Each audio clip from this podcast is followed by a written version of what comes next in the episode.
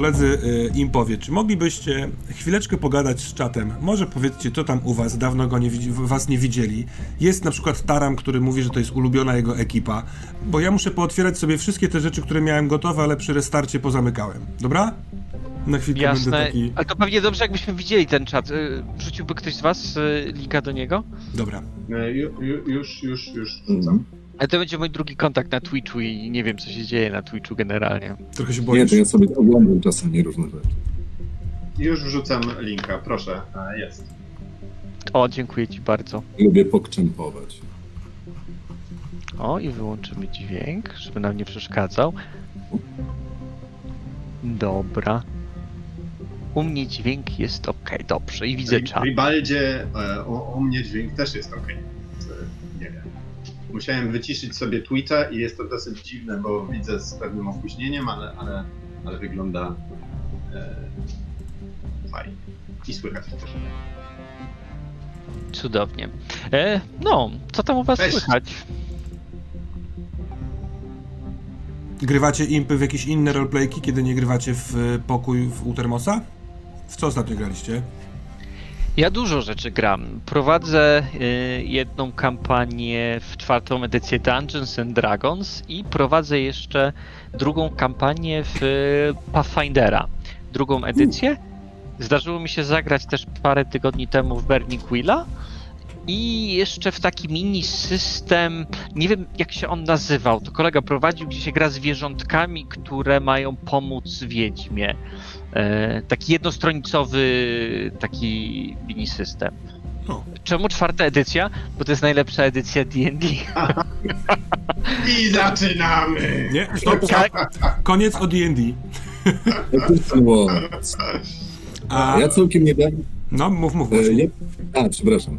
E, trochę już znamy setting, e, ale wydaje mi się, że jeszcze chyba sobie trochę o nim pogadamy, żeby jakieś tam szczegóły e, znać więcej. A, a jeszcze odpowiadając na Twoje pytanie, ja całkiem niedawno prowadziłem sobie Vampira e, w Nowym Jorku i całkiem niedługo będę sobie grał w taki system postapokaliptyczny, ale, ale zapomniałem jaka to jest nazwa. Jakiś taki wariant Waterworldu, z tego co pamiętam. Ale zabiłeś ćwieka. Ciekawe, czy ktoś z Twitcha zgadnie, w jaki system grał Juliusz. Czy tam było woda? Była, w- ma, ma być woda, bo jeszcze w to nie grałem. Jeszcze nie mieliśmy pierwszego spotkania nawet, ale jakby zacieram rączki na postapo. Okej. A w co ty grywasz, Jerzyk, jak nie grywasz w Ja, kultę? i, i, i, ja jestem w ekipie y, z Jackiem, więc gramy w czwóreczkę u Jacka. E, Tam y, w- w czwórce jestem defenderem, krasnoludem, który ma psioniczne moce, gdyż być może ma wszczep w głowie. E, Jak również wprowadzam w Arkana RPGów y, ludzi, którzy raczej w RPG normalnie nie grywają e, rodzinę, e, moją siostrę na przykład, która w lockdownie zainteresowała się RPGami, e, jej, e, jej narzeczonego i, i, i, i, i ich dalszych znajomych. Graliśmy sobie razem w Fiasko i bardzo wszyscy dobrze się bawili. E, I było super. Jak również grywam w RPG czasem z moimi uczniami, ponieważ ym, kiedy uczę angielskiego, e, to jest to bardzo dobry sposób, żeby wciągać ludzi w mówienie po angielsku, granie z nimi w RPG. E, Do tego bardzo lubię używać Penny for My które oczywiście nie działa tak dobrze, kiedy jest się online, bo nie można komuś przekazać tego grosika, ale i tak jest fajnie. Penny for my thoughts. Ja ostatnio komuś e, pisałem w internecie po opowieści od ciebie, Jerzyk, o, o grze, w której się przypomina wspomnienia ludzi i nie mogłem sobie przypomnieć, za co jest ten grosik. I tam strzelałem, że dreams, memories, ale nie przyszło mi na thoughts. No, ciekawe, czy ten ktoś znalazł to po samym Penny 4. A y, prowadzisz po angielsku? To nie jest skomplikowane być mistrzem gry po angielsku? Akurat nie w Penny for My Thoughts, dlatego że, mm, dlatego że to jest taka gra, która jest bardzo kooperacyjna. To nie jest tak, że w tej grze istnieje taki klasyczny mistrz gry, który musi snuć opowieść. W związku z tym e, bardziej to wygląda na zasadzie współtworzenia wspólnie opowieści, rozmowy, zadawania sobie pytań. E, tak naprawdę na mnie, jako tym lekarzu prowadzącym terapię, e, bo tak to trochę robię, e, to mniej nawet ciąży tego obowiązku rozmowy i mówienia niż na moich uczniach, bo to o to mi chodzi, bo to oni mają zyskać swoje wspomnienia i to oni mają więcej. Spryciarz, dobry nauczyciel. Ja mam także od jakiegoś Ja tutaj- czasu myślę o prowadzeniu po angielsku, ale w, znaczy inaczej, o tym, że e, zrobienie sesji po angielsku byłoby fajną sprawą, ale e, e, wydaje mi się, że jest nieosiągalne przy przynajmniej moim poziomie języka angielskiego prowadzić. W sensie, żeby opis był jakąkolwiek wartością, żeby znaleźć na szybko słowo, które opisuje coś, co, o co pyta gracz. Jeszcze jako gracz totalnie wydaje mi się, bym się wybronił i funkcjonował dobrze, ale jako mistrz gry chyba nie. Stąd moje pytanie, Jerzy, bo może ty byś poprowadził po angielsku. Byśmy spróbowali zrobić karierę e, kurwa, w Stanach Zjednoczonych. Totalnie byłbym, e, absolutnie bym w to wchodził. E, Myślę, że, że bawiłbym się również świetnie angielsku. No to byłoby super. Let's play to find out. Ym, no dobrze. Y, y, Pan Myszkow-Worski pyta, czy będzie Skald. Czy Tak, ja przyznam- przeczytałem, Jeszcze chyba nie wiem, ale wydaje mi się, że chyba nie będzie. Ale może będzie ci śpiewał tak czy owak ktoś. Julku? No ja właśnie zauważyłem to pytanie i myślałem nad inną postacią, ale ym, możliwość śpiewania wydaje mi się bardzo kuszona. Kiedy powiedziałeś te słowa, to na pewno bardzo dużo osób chciałoby spróbować usłyszeć to, ale może zostawmy to na sesję, chyba że tak fajnie nam pójdzie prowadzę, robienie postaci. Znaczy to na pewno nie będę dzisiaj, bo potrzebuję do tego mikrofonu. A, no to dobrze, że O, ktoś napisał o moim warkoczyku, bardzo dziękuję. Tak, został zapleciony specjalnie na wikingowskie klimaty, także bardzo się e, cieszę, że ktoś to zauważył i docenił. Może ja po, popiszę się swoim naszyjnikiem, który... Proszę. Uuu, czy to jest młot Tora? Jest to młot. A właśnie widziałem go u niego. Szukał, szukał w kozetce. w kozetce. Vacuum Flask Channel. Dobry wieczór, co jest doktorku? A co ty Jacek powiesz? Bo tak chyba najmniej powiedziałeś, a y, przed rozpoczęciem z przyjemnością posłuchałbym twojego głosu. Mm, ale o czym? Kurczę, mówisz, że grałeś w Burning Wheel, jestem bardzo ciekaw, to jest y, y, trudna, dra- y, jakby inaczej, inwestuje się emocje oraz psychikę w rozgrywkę w Burning Wheel? Wiesz co, Burning... Znaczy, Burning Wheel generalnie jest grą w- o mechanice dość mainstreamowej, takiej klasycznej, e, ale jest tam kilka mechanizmów, e, które bardzo mi na przykład ułatwiają prowadzenie tej gry, bo tam jest coś takiego, że gracze wymyślają sobie takie e, drive'y dla swoich postaci, beliefy, które mocno ustawiają to, co gracze będą robić. No, trochę podobna była mechanika w kulcie. I Burning Wheel fajnie ma to jakby wprowadzone do tej swojej mainstreamowej mechaniki i to bardzo elegancko działa. Jest to system, w którym się bardzo fajnie testuje umiejętności, a więc gracze chcą po prostu robić rzeczy e, po to, żeby się rozwijać i sami są dzięki temu tacy hiperaktywni. A więc z punktu widzenia mistrza gry to jest bardzo wygodnia, wygodna gra, bo na początku tworzy się setting, a potem się tak naprawdę wpuszcza graczy do tego settingu i oni już realizują e, swoje cele. E, A więc nie powiedziałbym, że to jest na przykład tak, e, taka gra, w której się inwestuje tyle rzeczy, ile w jakimś Doxine Vineyard albo w Blistage'u.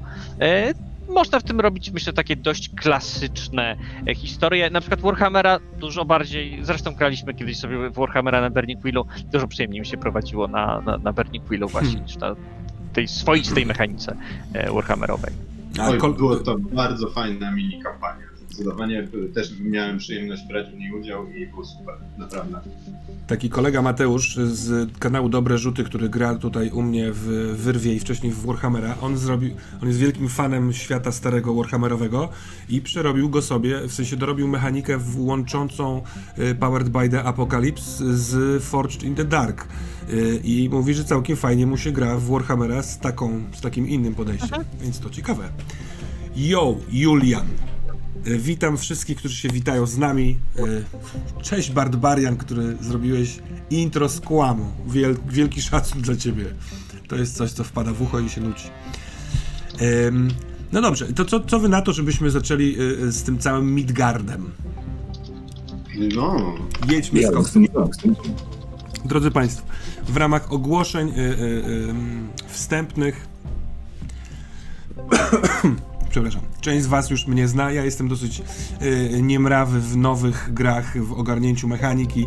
To może czasami być y, kanciaste na, na, na, na krawędziach, to co się będzie działo, ale tak naprawdę chodzi o opowieść, przynajmniej mi, więc mam nadzieję, że poznam trzech nowych ludzi, którzy będą bardzo inspirujący i którym przy, poprowadzę fajną przygodę. Za tydzień zaczniemy. Zatem, dla tych z Was, którzy w ogóle nic nie wiedzą, to Midgard jest y, grą, która dzieje się w kosmosie y, i y, centralnym punktem y, tego miejsca w kosmosie jest Midgard, y, planeta, na której mieszkają wikingowie, y, y, kojarzący się właśnie z, z nordycką kulturą i z sagami y, ludzie. Ciekawą jest ta planeta y, Midgard, ponieważ ona ma Jacku, synchroniczną Rotację synchroniczną. Rotację E, synchroniczną. Co to takiego? Podobnie się por- porusza do naszego księżyca. E, po prostu jest cały czas obrócona tą samą półkulą w kierunku swojej gwiazdy. A więc temperatury tam rozkładają się w taki dosyć nietypowy sposób. I mamy właśnie część, która jest e, bardzo nasta- nastawiona na działanie swojej gwiazdy, i tam mamy spaloną część, no i mamy drugą część, która jest e, cały czas skuta lodem. No i pas, który się nadaje do, e, do zamieszkania, jest to tylko niewielka część tej planety. No i też taka ciekawostka, jakbyśmy żyli w takim miejscu, no to wtedy jakbyśmy widzieli sobie e, nasze Słońce, no to z naszej perspektywy one cały czas e, tkwiłoby w tym samym miejscu. Bardzo dziękuję. I Ja bym chciał dodać, proszę. przepraszam, bo ja chciałem dodać, że takie planety muszą super wyglądać, no bo to Słońce musi wypalać takie, takie oko po tej stronie, gdzie jest, jakby jest odwrócone tą twarzą do Słońca, więc jest to taka wielka A. gałka oczna, ale mnie to super jara, mówiąc. No i tak, pasuje, pasuje bardzo do e, opowieści o Odynie. Hmm. Oko Saurona gdzieś w kosmosie. E, No więc tak, a w tym naszym, e, na, na planecie Midgard, ten pierścień, na którym toczy się życie, widzi słońce cały czas w pozycji zachodzącej, więc e, we wszystkich bastionach, a tak nazywają się miasta wybudowane przez Midgardczyków na tym pierścieniu, e, są w momencie zachodzącego słońca. To dosyć ciekawa, ciekawa akcja. I tak, jest jedna półkula, która jest wypalona, gorąca, na której im, im dalej od pierścienia, tym trudniej jest w ogóle wytrzymać. I jest ta druga, ciemniejsza półkula, na której jest lód, zimno i e, równie ekstremalne warunki do życia, a właściwie do nieżycia. No i ciekawe, w którą stronę pójdziemy. Hehehe. Mówię tam, bezpieczny pierścień, come on. Nie po to wyruszyliśmy do lasu. Ale tak, y, lore Midgarda jest bogatszy, chociaż y, y, ja będę opierał naszą grę na starterze y, i na przygodzie, którą dostałem od autorów, za co bardzo dziękuję, y, na informacjach tam zawartych, ale lore jest bogatszy o tyle, że mamy y, przeróżne systemy, na których mieszkają elfy, na których mieszkają lodowe, lodowi giganci, na których mieszka wszelkie plugastwo. Są też, jest też Asgard oraz Vanaheim, czyli takie planety, na których mieszkają bardzo potężne i silne y, y, cywilizacje Esirów i Vanirów. Y, Natomiast my na pewno zaczniemy naszą grę na Midgardzie, więc na tym się skupię w mówieniu o lorze. Tym bardziej, że my gramy cztery sesje. W cztery sesje musimy znaleźć początek, rozwinięcie i zakończenie. Często jara mnie taka struktura, ona jest zamknięta u samego początku, więc próbujemy ją złapać jak jakiś taki film, który będzie miał zakończenie pod koniec. Zobaczymy, czy się uda. Y, Te streamy będą co środę, mam nadzieję, że punktualniej niż dziś. Co się dziś stało, nie wiadomo, ale zobaczymy. I teraz tak. Oho, chlapnąłem sobie z ekscytacji. Zamierzenie jest takie, że gramy na, y, w bastionie, który nazywa się Enga. Y, Bastion Enga jest bardzo blisko tej y, y, zimnej i ciemnej strony Midgardu. Blisko siebie ma duży łańcuch górski, bogaty w minerały, więc w Endze ważny jest przemysł wydobywniczy i jakby produkcja rzeczy z wydobywanych tych minerałów. Żeby posiadać tanią siłę roboczą, ściągani są y, y, na przykład trole do pracy w tych kopalniach oraz y, giganci lodowi. Giganci lodowi z planety, o ile dobrze pamiętam, Jotunheim, ale rzucę sobie okiem, żeby się upewnić. Czekajcie. Fajnie na pewno. Bardzo Dobrze prawdopodobne, że to będzie Jotunheim. Dziękuję wam 100%. bardzo. Kochany Juliusz jest specjalistą od nordyckiej kultury. Ja będę takie fafluny przez ciebie, przy tobie tutaj ale nic. To duże słowo, ale Giganci lodowi y, są różnych rozmiarów. Są tacy, którzy są y, troszeczkę więksi niż ludzie, ale są tacy, którzy są naprawdę dosyć niebotyczni i zasługują na miano gigantów. Więc wyobrażam sobie, że w, y, w bastionie Enga, w tych kopalniach pracują ci, którzy są troszeczkę zbli, zbliżeni rozmiarami do ludzi, żeby wejść do korytarzyków w kopalniach. ale przez to, że jest dużo tej takiej e, siły roboczej z zewnątrz. E, Na planecie Enga często dochodzi do e, pow- powstań, ale też mniejszych zorganizowanych akcji bandyckich. Te bastiony są dosyć pionowego, żeby nie powiedzieć wertykalnego kształtu, ponieważ budynki bardzo wysokie, e, e, budowane są właśnie w, górę, co jest dosyć oczywiste, e, ale to też sprawia, że różnie wygląda życie w Endze na, w górnych poziomach i inaczej na dolnych. I tutaj troszeczkę się posłuszmy cyberpunkową wizją i wyobrażeniem.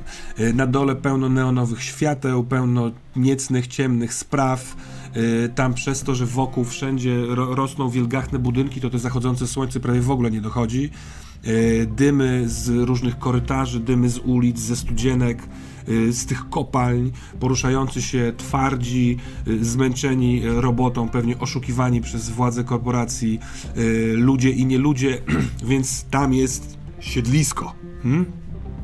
Nawet w opisie, który dostałem, opisie Engi, y, jest coś, co może nawet zacytuję, jeżeli szybko znajdę, że konung, a tak nazywa się władca bastionu, y, przymyka wręcz oko, aby uniknąć zbytniego zamieszania na wszelkiego rodzaju proceder przestępczy. Może nie wszelkiego rodzaju, bo pewnie są granice, których nie chce przekroczyć, ale na wiele rzeczy przymyka oko, żeby wydobycie ciągle trwało. I w takimż właśnie świecie, oczywiście w bardzo, bardzo skrótowy sposób wypowiedziany, yy, wcielicie się w postaci yy, weteranów, w ogóle tak nazywają się postaci graczy w grze Midgard, yy, czyli ludzi na służbie militarnej mniej lub bardziej Midgar, Midgardu. No, w tym przypadku odpowiadacie bezpośrednio przed konungiem. Ja nawet sobie nazwałem tego konunga. Możliwe, że w oficjalnym lore konung Engi będzie nazywał się inaczej, ale u mnie będzie to Woggan Białooki, który ma e, e, bielmo na jednym oku, jest też dosyć blady, żeby nie powiedzieć albinosowaty, ale potężny, potężny wiking i wojownik, e, trzymający twardą w miarę możliwości ręką cały ten zapalny ośrodek przetwórczy. Więc, yy, jeśli chodzi o postaci, mamy do wyboru 5 klas. Możliwe, że w podręczniku już gotowym będzie tych klas więcej, nawet nie wiem. Niedługo rozpoczyna się akcja na Wspieram to, yy, której, dzięki której możemy, będziemy mogli zobaczyć wydany cały podręcznik. Na razie mamy tych klas 5 do wyboru. A nawet w starterze tak naprawdę są cztery, ale w scenariuszu, który otrzymałem, jest piąty skald. I króciutko o nich opowiem, dobra? Więc mamy Berserkera. Berserker to szalony y, y, wojownik. Y, szalony w taki sposób, że no, dla niego pokonanie przeciwnika jest wszystkim, śmierć jest niczym, jest gotów na wszelkiego rodzaju ryzyko, jest gotów wziąć na siebie, skupić uwagę wszystkich przeciwników, walczyć do upadłego, wpadając w szał niejednokrotnie. Y, Często pokrywa ciało y, runicznymi tatuażami. Y, W grze w Midgard jest coś, co nazywa się hekserii i jest to pewnego rodzaju magia, oczywiście magia tylko no, nazywana w tym systemie hekserii. Jest to tak zwane echo hekseryczne, które ma wielkie magiczne właściwości i wikingowie, Midgardczycy potrafią opanowywać te echo, rzucając zaklęcia. Więc magia ta wykorzystywana jest y, na przykład poprzez runy w, we wzmacnianiu y, tatuaży, na przykład u takiego berserkera, ale co ważne, także funkcjonuje jako, ws- nie wiem, element y, współpracujący z technologią, na przykład wszelkiego rodzaju ws- wszczepy, bo jesteśmy w przyszłości, jesteśmy w kosmosie, jesteśmy w lekkiego pewnego rodzaju cyberpunku. Wszczepy, które będą dostępne, one z, scalają się z umysłem posiadacza danego wszczepu za pomocą właśnie tego e, echa hekserycznego, co jest bardzo ciekawą rzeczą. Ale to e, później. Oto berserker, siłacz i napitalator. Przynajmniej tak to w mojej głowie funkcjonuje. Jest Huskarl. Huskarlowie to y, tacy y, wojownicy celebryci, tak jak ja przynajmniej ich rozumiem. Oni są świetnie wyszkoleni, wyszkoleni y, zajmują dosyć wysokie stanowiska w społeczeństwie Midgardu, y, dlatego ponieważ właśnie wręcz legendarne czy mityczne są ich dokonania.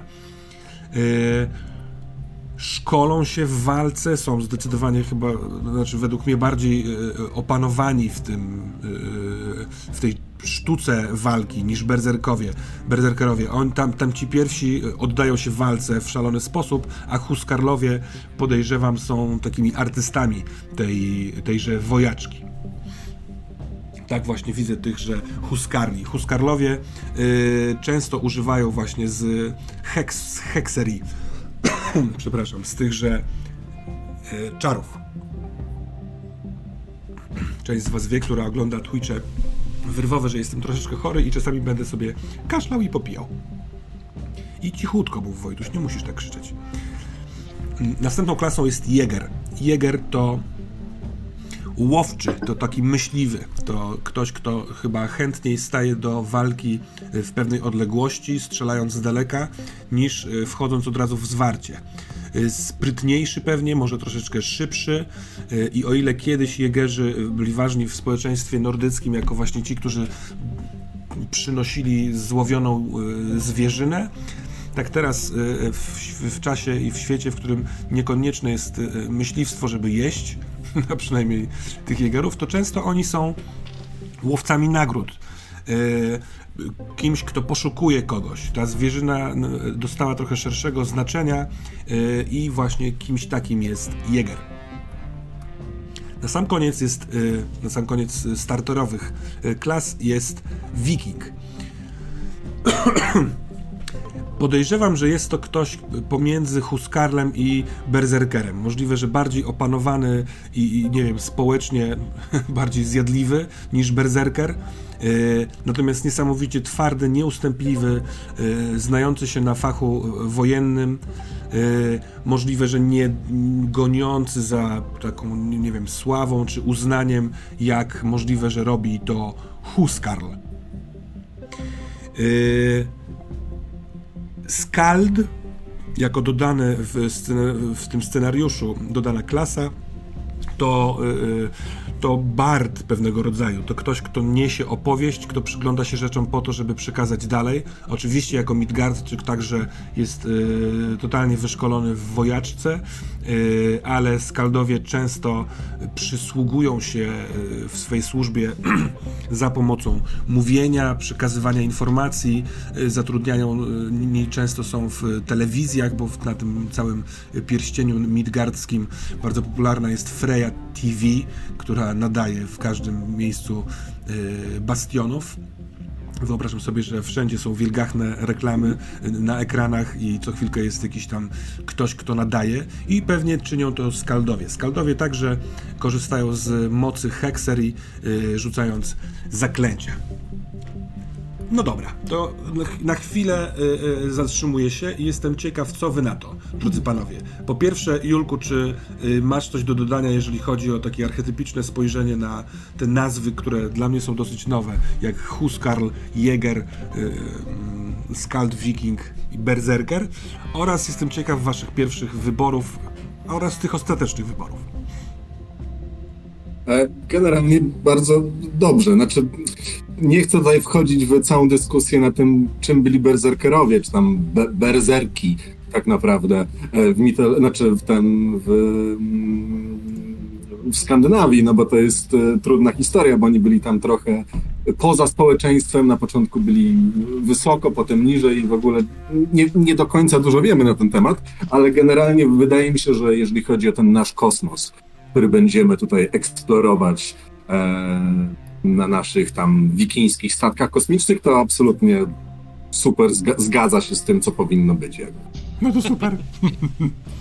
No to kim chcielibyście zagrać? Tu, przepraszam, jeszcze zanim odpowiedź, mam jedną rzecz, którą zauważyłem w notatce, a której nie powiedziałem. Y, Jeżeli chodzi o scenariusz, który mam przygotowany, to on nie jest absolutnie scenariuszem. Mam trzy pomysły bardzo ogólne, które da się y, dofastrygować, doelastycznić do czegokolwiek. Więc y, pamiętajcie, tworząc po- postaci, co pewnie jest oczywiste, ale y, taka myśl niech przyświeca, że to, co wybierzecie w tych postaciach, to pod to dofastryguje te wydarzenia. Hmm? Jeśli ktoś z was weźmie sobie y, umiejętność żonglowania jajkami, to na pewno wątek fabularny żonglerki jajkami, cyrku oraz kur będzie istotnym elementem. Przepraszam, panowie, wasze klasy. No ja tutaj się waham nad dwoma, prawdę mówiąc. E, waham się bardzo pomiędzy Huskarlem a Skaldem. E, wcześniej jakby trochę się napaliłem na tego Huskarla, bo bardzo podoba mi się wizja takiego właśnie wojownika opanowanego, który przy okazji włada magią i chce ją odkrywać. Bo to mi się strasznie właśnie kojarzy z tą wędrówką Odyna, który e, poświęcił sam siebie, e, przywiązał się do korzeni Idgrasila i wyłupał sobie oko, żeby poznać moc run. I jakby mam ochotę iść w tym kierunku. I prawdę mówiąc nie wiem, czy pójść właśnie w Huskarla, czy w Skalda. I być może mi pomoże tutaj e, czat, to byłoby fajne. Hmm, może chcesz, żebym przygotował na szybko ankietę, w której widzowie będą mogli wybrać, czy masz być Huskarlem czy Skaldem. Totalnie. Dobra, to ja to zrobię. I te- Termos dodaje jeszcze komonera, który potrafi tylko i wyłącznie pracować w kopalni. No a ty, Jacku, albo ty, Jerzyku, na kogo macie ochotę, oprócz normalnych rzeczy? Ja mam dwa typy.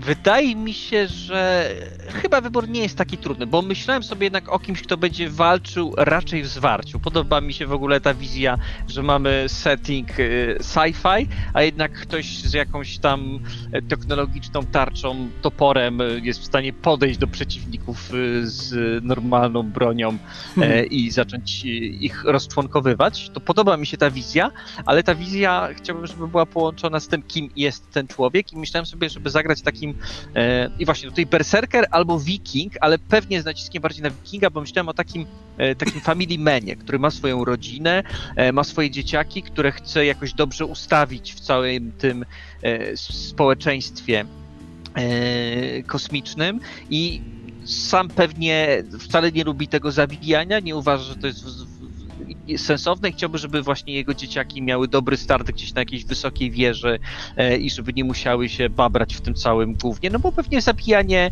e, niewolników, którzy siedzą w kopalniach, no nie jest niczym, niczym świetnym, no i na pewno lepiej właśnie taki dobry start tym dzieciakom zapewnić i po to on to robi.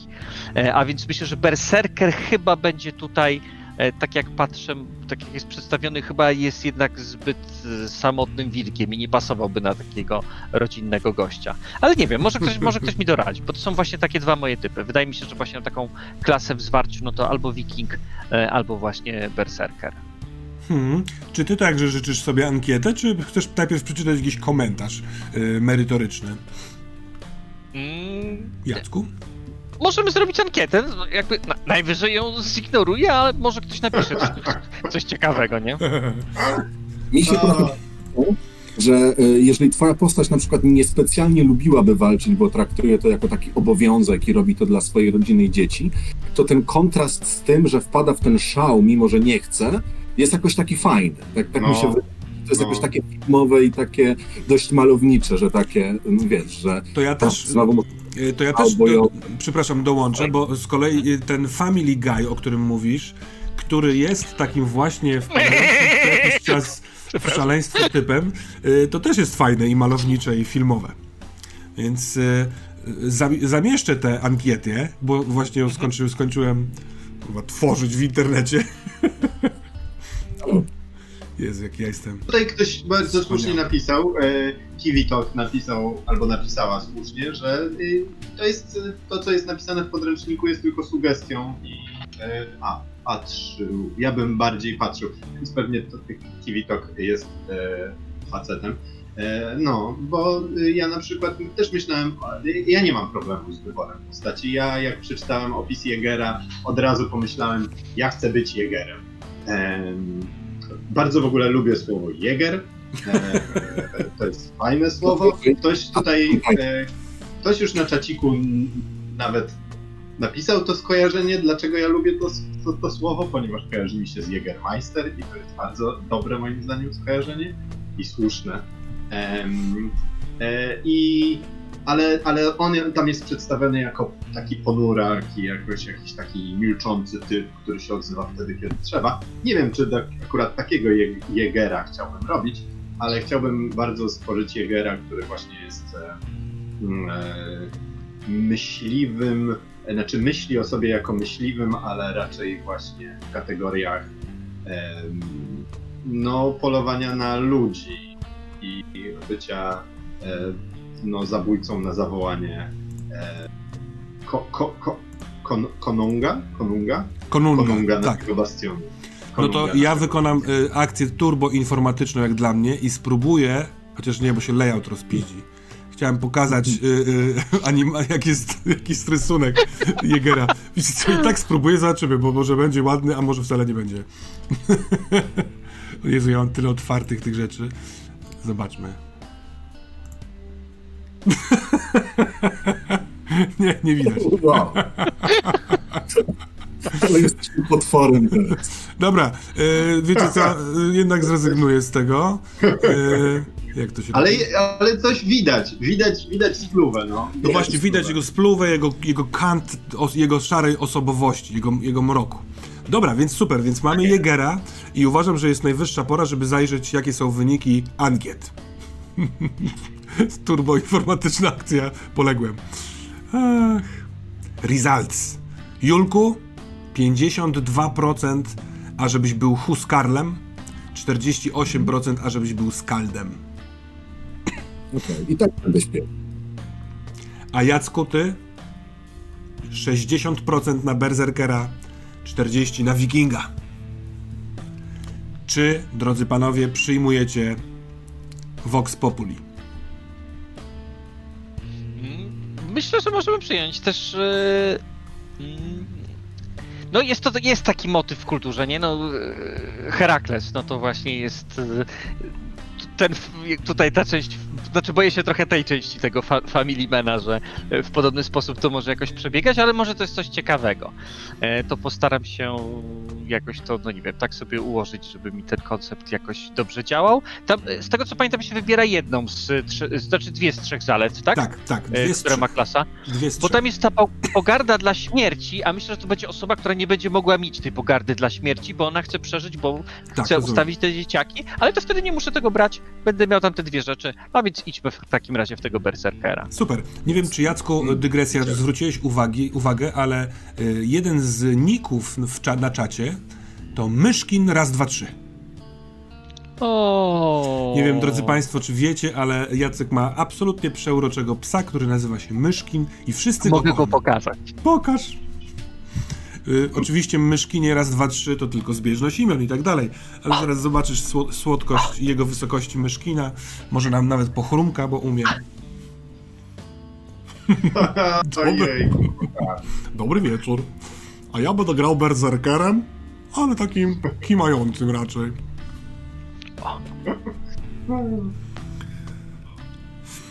Dobra. No to przejdźmy dalej. Mamy Jegera, ja sobie zapis, zapiszę. Ger. E, mamy e, Huskarla. Czy to jest. e, a wiesz, może znasz etymologię słowa Karl, Julku? Bo Hus to pewnie dom, no nie? Czy Karl w tej mitologii oznaczało samo w sobie coś? Znaczy, nie znam się jakoś specjalnie na kwestiach, jak to wyglądało historycznie. To byli, zdaje się, bardziej jakby jara i kręci mnie sama mitologia. E, To byli chyba tacy ci. e, Władcy domów, ale tutaj nie chcę jakby kłamać, więc... Znaczy, Tacy major, major, majordomowie tacy. Mhm. No, Tak, tak. tak, tak, tak, tak, tak, tak, ten- To by miało sens. No dobra. Dwa słowa albo z 14, w zależności jak mi pójdzie, y, o mechanice i o y, pewnej rzeczy, o której chcę powiedzieć przed tworzeniem postaci. Każdy rzut odbywa się, y, niemal każdy, dwoma dwudziestkami. Tak się to testuje. Jedna dwudziestka to kość Odyna, a druga to kość losu. Ta kość Odyna y, sprawdza, czy nam się coś uda. Do wyniku tej kości dodajemy braną pod uwagę umiejętność i braną pod uwagę y, parametr główny, tak zwany, czyli tam coś w stylu cechę. Y, I musimy spotkać się albo przekroczyć poziom trudności, albo obronę przeciwnika, jeżeli to jest walka. Natomiast kość losu, to jest bardzo fajna, uważam, mechanika, yy, sprawia, że może dojść do dubletu. Jeżeli wy, po, pokazuje taką samą y, liczbę jak y, kość Odyna, to w takiej sytuacji dochodzi do dubletu, dodaje się raz jeszcze wartość umiejętności, która była sprawdzana i dzieją się y, y, czasami rzeczy wskazane y, y, w systemie, które się mają dziać, kiedy dochodzi do dubletu. Dublet też jest w stanie uratować fiasko. Jeżeli test się nie udaje, a był dublet, to nie dzieją się przykre rzeczy. Fajne jest też to, że NPC-owie, NPC, non-players characters w tej grze, czyli to ciekawe jakby po szwedzku byłoby non-player characters. Pytanie do czatu. Przepraszam. Non-playersi są podzieleni na trzy grupy. Są szeregowi, są elitarni i są legendarni. I szeregowi nigdy nie rzucają dwoma kośćmi, bo oni nie mogą wyrzucić dubletu. Bidulkowie. A elitarni i legendarni czemu nie? No właśnie, to jest jeden z tych systemów, w których mistrz gry będzie rzucał kostkami. Odzwyczaiłem się, ale spróbuję. Y, więc tu już Was poproszę, drodzy koledzy, żebyście mieli ze sobą dwie dwudziestki. Czasem się rzuca też dychę. Nie będziemy rzucać na żadnych botach, tylko sobie na stole, żeby było przyjemnie. Dobra? Dobra, A druga rzecz, o której Dobra. chcę powiedzieć w kwestii mechanicznej, to coś, w czym się absolutnie zakochałem, to mechanika SAG. Sprawia, że w trakcie gry mamy fazę SAG.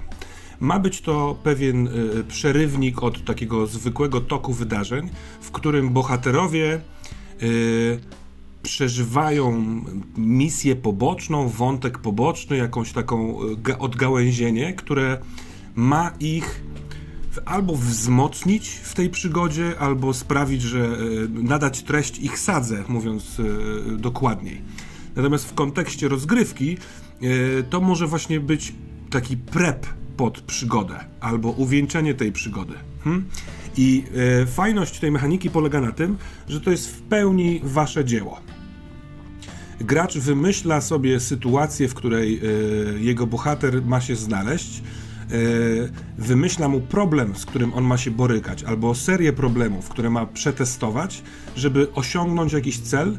Ten cel ma mieć potem realny wpływ na wydarzenia w samej rozgrywce. U nas, u nas będzie to wyglądało tak, jako że mam tę czterosesyjną strukturę, to wyobraziłem sobie, że u nas wydarzy się to w drugiej sesji.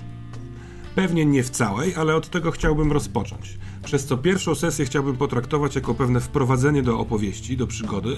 Będziecie wiedzieli o co będzie chodziło w tym scenariuszu, co to będzie mogła być za misja i pod to dla swojej postaci przygotujecie dwu, trzydniową rzecz.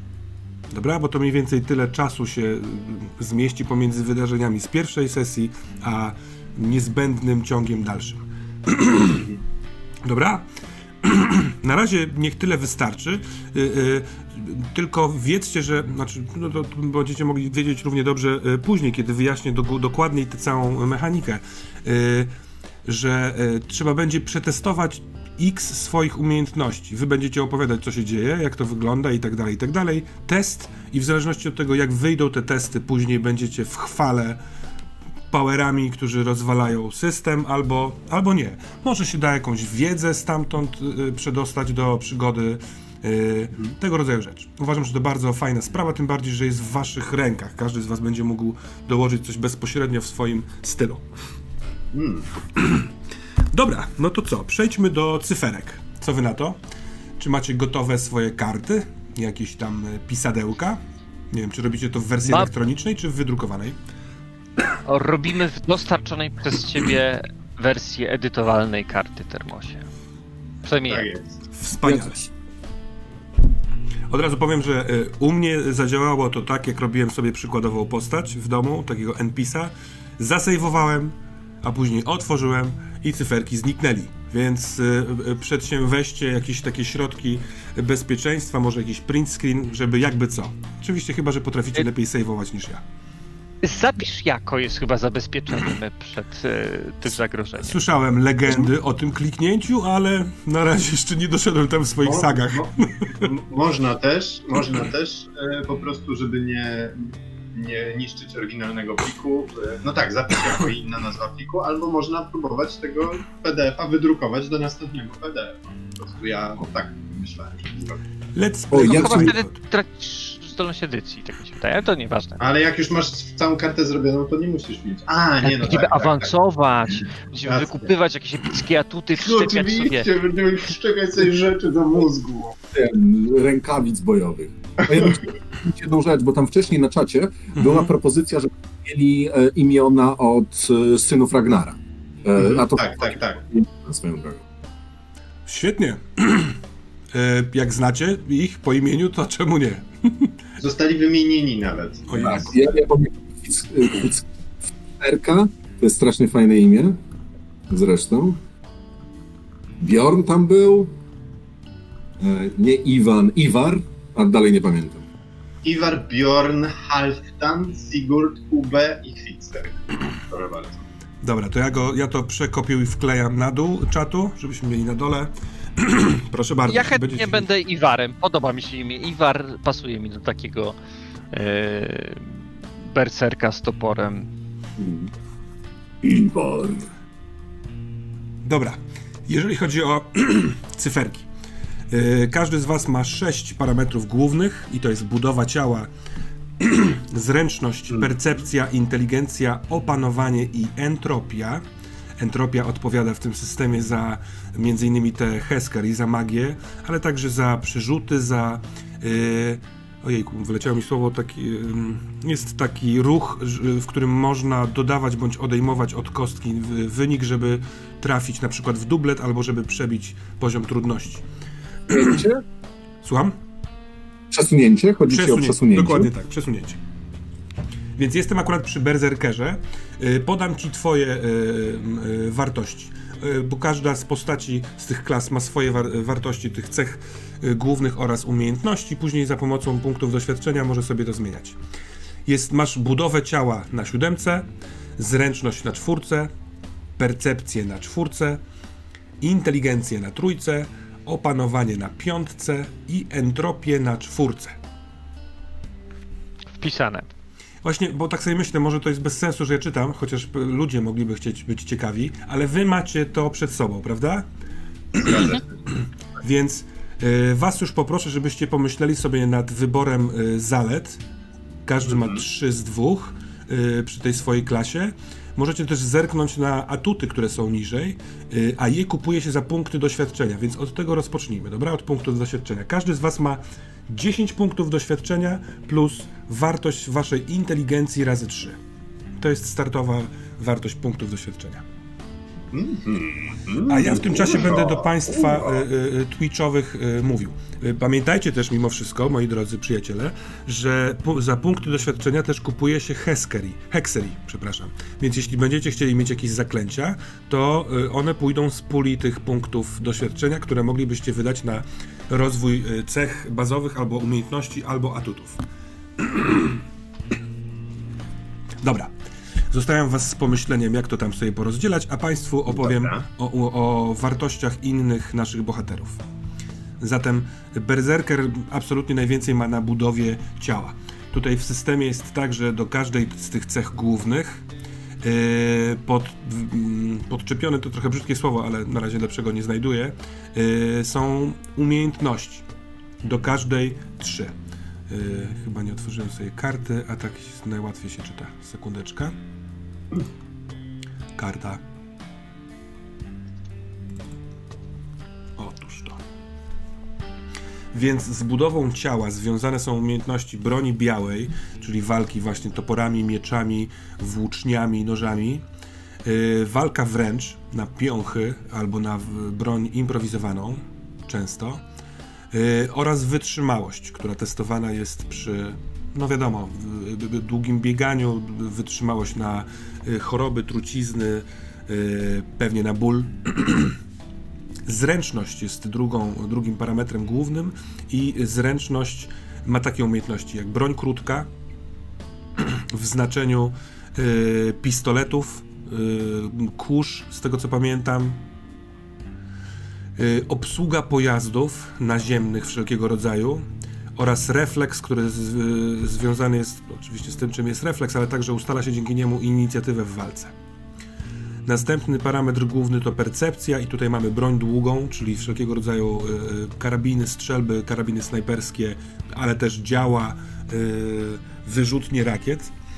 Gwiezdny pilotaż, czyli obsługa wszelkiego rodzaju latających rzeczy trochę dalej od domu oraz wyczulone zmysły, w których jest y, wszelkiego rodzaju spostrzegawczość, nasłuchiwanie i tak dalej.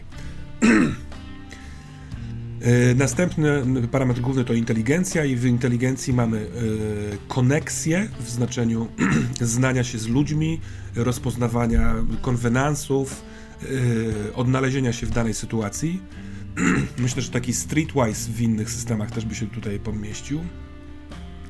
E, Technika, e, która jest naprawą sprzętów, obsługą sprzętów e, wszelkiego rodzaju mechanicznych spraw i wiedza, która w tym systemie nie musi być przez gracza wyszczególniona, z czego jestem, nie wiem, obznajomiony, tylko się sprawdza ogólnie, czy się wie coś na ten temat, a wysokość przebicia tego poziomu trudności określa nam, z jak dużą ilością niuansów wiemy rzeczy. Z opanowaniem związane są umiejętności hakowania. Tutaj jest y, coś, co się nazywa sieć Igra, Igr, Yggdrasil. właśnie EA, Yggdrasil. E, Nie zbyt szeroko wyjaśniona w tym starterze, więc jeżeli będziemy używać sobie sieci, to pewnie ona będzie podobna do sieci, którą ja potrafię sobie wyobrazić, do czegoś pomiędzy Williamem Gibsonem czy Blade Runnerem i naszymi czasami. Jest też infiltracja, która pozwala nam y, przeglądać sytuację, znaleźć y, y, rozwiązanie, ale też śledzić coś. Tak to jest.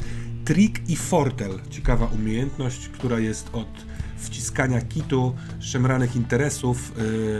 Podejrzewam też, co jest oczywiście do wyszczególnienia później w opisie umiejętności, do podkradania rzeczy z kieszeni.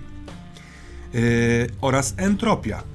Ja w ogóle chciałem was spytać, bo wiem, że nie wiem czy wszyscy, ale y, część z was jest wykształconymi filozofami, o jakąś taką użytkową dla naszych celi, celów y, y, definicję entropii. Czy mógłbym prosić? Dążenie do nieładu. Bardzo dziękuję. A więc mamy dążenie do nieładu i podpięte do niej umiejętności, uwaga, charyzmę, yy, czyli przekonywania za, no, z r- entropicznymi technikami do swojej woli, wpływania na innych ludzi, hekserii, czyli rzucanie tych zaklęć oraz siła woli, czyli odporność na strachy, także wywoływane zaklęciami, na taki twardość umysłu. Z tych parametrów głównych wynikają także parametry pomocnicze. One są przeważnie sumami kilku. Jest y, neurostabilność, od której zależy y, ilość możliwych dla nas wszczepów. I to się mnoży y, inteligencję razy 5. Jest wysportowanie, które odpowiada wszelkim atletycznym testom, wysportowaniu właśnie, czy, czy doskoczę, czy dobiegnę, czy zrobię szpagat, kiedy trzeba. Sumuje się budowę ciała i zręczność. Ruch to wysportowanie plus 5 i oznacza e, bardzo mechaniczny e, aspekt możliwości poruszania się w trakcie walki i na ile metrów mogę się zbliżyć w akcji ruchu, a na ile e, metrów mogę przebiec w tak zwany sprint, jeśli chcę poświęcić swój atak w danej rundzie i po prostu znaleźć się w innej przestrzeni, w innym miejscu w przestrzeni walki. Witalność, czyli pięciokrotność budowy ciała, plus 10 odpowiada waszym punktom życia. Osłona energiczna, to osłona energiczna, ale prawdę mówiąc, nie, nie wiem, e, znaczy nie wynika bezpośrednio z żadnego z tych e, parametrów głównych. E, jako, że Hexery jest najsłabiej przeze mnie przeczytanym na razie rozdziałem, nie wiem, a pewnie jest to jakaś osłona magiczna. Moc to e, umiejętność, e, w sensie e, capability nasze do czarowania, to ile mamy punktów, które możemy wydać na rzucanie zaklęć w danym momencie, inteligencja razy 5. Prezencja wynika z sumowania budowy ciała i entropii, co jest bardzo fajne uważam. E, No i wpływa na kontakty międzyludzkie oraz koncentracja, czyli suma opanowania i entropii, która to zamienia się na dosyć wymierne punkty, które wydajemy w sytuacji przerzucania, e, w sytuacji rzucania e, jeszcze raz na przykład danego atutu albo danego hekserii, e, takie rzeczy. To cóż... ym, na razie milknę. A, wiem, wiem, co miałem. Miałem jeszcze przeczytać, z czego są najlepsi pozostałe klasy. Yy, na ile wy jesteście gotowi mniej lub bardziej z waszymi wyborami? Ja chcę sobie kupić zaklęcia, więc jeszcze się, się waham nad jednym. Dobrze, dobrze. To może zdążę y, przejść. Ja tutaj sobie skaczę pomiędzy jednym a drugim dokumentem, a wiecie, że nie jestem specjalnie w tym wprawny. Czy za cyberwszczepy też się płaci doświadczeniem? Czy Właśnie, za nie się już, płaci z y, powiem. Właśnie, właśnie, szczepy, tak. Już mówię, ja tutaj sobie tutaj sobie pozwalam na mały house rule, ponieważ one y, w systemie są kupowane za pieniądze oraz wynikają z tego, jaką ma się y, wysokość y, współczynnika neurostabilności. Tyle, ile ma się neurostabilności, tyle można mieć tych y, cyberwszczepów, ale póki co w tym starterze opisanych jest na tyle niewiele tych cyberwszczepów, że dobrze kombinując z cyferkami można by kupić wszystkie albo zdecydowaną większość. A to sprawiłoby, że wszyscy jesteśmy tacy sami. Więc proponuję, żeby każdy z Was mógł wybrać z tej listy maksymalnie trzy cyberwszczepy. Do te, do, dodatkowo nie zajmujemy się kosztami spraw. Z, z list y, ry- ry- tego mm, broni, ekwipunku oraz cyberwszczepów bierzcie co chcecie. Dobra? Mhm. Dobra? Gdybyśmy grali dłuższą kampanię, to pewnie to nie miałoby sensu, bo fajnie wtedy y, trzymać rękę na wydatkach, ale come on. Grajmy w wydawanie Przypomniałem się w Matry- z Matrixa, jak byli w tym takim pokoju pomiędzy i pojawiło się takie e, szafy z bronią, Tak, tak, tak. wjechały. Dokładnie teraz tak się poczułem. O, tutaj Durgil napisał, że entropię można interpretować jako niepewność wystąpienia danego zdarzenia elementarnego w następnej chwili. To brzmi jak wiersz. To w ogóle jest bardzo życiowe. Huskarl, w którego wcieli się Julek, y, bazowo największą właśnie ma y, entropię na szóstce. Ale on jest bardzo zrównoważony. Ma na piątce budowę ciała, zręczność, y, na czwórkach inteligencję, opanowanie. Z percepcją u niego słabiej, ale rozumiem, że on głównie wpatrzony jest w swoje, w bycie wspaniałym. Jak w życiu. Jäger, czyli nasz łowca, powiedzmy, najwyższą y, jego parametrem jest percepcja na szóstce, y, opanowanie na piątce, a reszta to czwórki. Ten to w ogóle jest zrównoważony. Y, I mamy jeszcze wikinga, ale wikingiem nikt nie będzie. Więc powiem wam tylko sobie amuzą, że nie ma żadnego wybijającego się na górę współczynnika, tylko ma cztery piątki. Każda z tych klas ma opisane trzy zalety, a gracz wybiera dwie z nich. To są takie dosyć potężne rzeczy, w których się ten ktoś wyszkolił e, w trakcie swojego życia. Więc e, czy któryś z Was już podjął decyzję w swoich zaletach i chciałby się podzielić? Czy jeszcze, Ja czy jeszcze tak, Wam. bo- do- No to proszę, to powiedz. Bo tak już, jak na samym początku mówiłem, że z racji kształtu tej postaci, yy, po prostu jedną raczej muszę odrzucić. Mm, już szybko sobie tylko przewinę do tego berserkera, bo go gdzieś zgubiłem. Ja już jestem. Księga weterana. To ja powiem, przeczytam co odrzuciłeś, a ty powiesz co wybrałeś. Odrzuciłeś pogardę śmierci, czyli y, zaletę, która sprawia, że weteran, y, no fajnie to jest napisane, więc przeczytam. Weteran śmieje się hel prosto w twarz, za nic mając śmierć. Najważniejsze to zabrać ze sobą jak najwięcej wrogów. Na początku każdego starcia, zanim ktokolwiek inny zdąży zareagować, weteran wydaje z siebie szyderczy okrzyk, skupiający na nim uwagę szeregowych przeciwników, którzy walczą z nim, dopóki nie zostaną zaatakowani przez kogoś innego. Bardzo to fajne. Tam jeszcze jest dalsza część opisu, ale już sobie daruję. A więc ty wybrałeś. Tak, y, wezmę w takim razie Furiata, czyli siła woli weterana zwiększona jest o dwa punkty. Na początku starcia w ramach darmowej akcji w swojej inicjatywie weteran wprowadza się w trans i wykonuje test siły woli. Za każdy poziom, który uda mu się zdać, otrzymuje jedną rundę, w której wszystkie zadane mu obrażenia zmniejszane są o połowę. Po upływie tego czasu, aby podtrzymać trans, rundę wykonuje test siły woli. Jeśli test się nie powiedzie, berserker zatrzymuje się oszołomiony na K5 rund, podczas których nie może czynnie atakować ani poruszać się, a jedynie bronić. Oraz runiczne tatuaże. E, dzięki pokrywającym jego ciało mistycznym tatuażom, weteran zwiększa swoją entropię i wytrzymałość o jeden punkt. E, ponadto zyskuje odporność na hekserii plus 5 punktów. Wspaniale. Bardzo mi się podoba ta pierwsza, ta, która sprawia, że wpadasz w szał. Kiedyś grałem w fantazy barbarzyńcę, którym tak straszliwie lubiłem wpadać w szał i wtedy nie odpowiadałem za wszystkie zwłoki. to znaczy odpowiadałem, ale jako młodzieniec, który grał tego barbarzyńcę, myślałem inaczej. A drogi Juliuszu e, Huskarlu, jesteś gotów ze swoimi zaletami? E, tak. Co wybrałeś? Więc tak, wybrałem chwilę chwały. Podczas walki Huskarl podnosi swoją obronę o wartość kontroli. Premia aktywowana jest na początku rundy i utrzymuje się do końca następnej. Dopóki działa, weteran odporny jest na pecha oraz na wszystkie zasady krytyków wymierzonych przeciwko niemu. Więcej w rodzaju. Aby ponownie skorzystać z tej zalety, weteran musi odbyć medytację trwającą co najmniej 5 minut, podczas której jest bezbronny. Super. A Co? druga to. Mhm. No właśnie.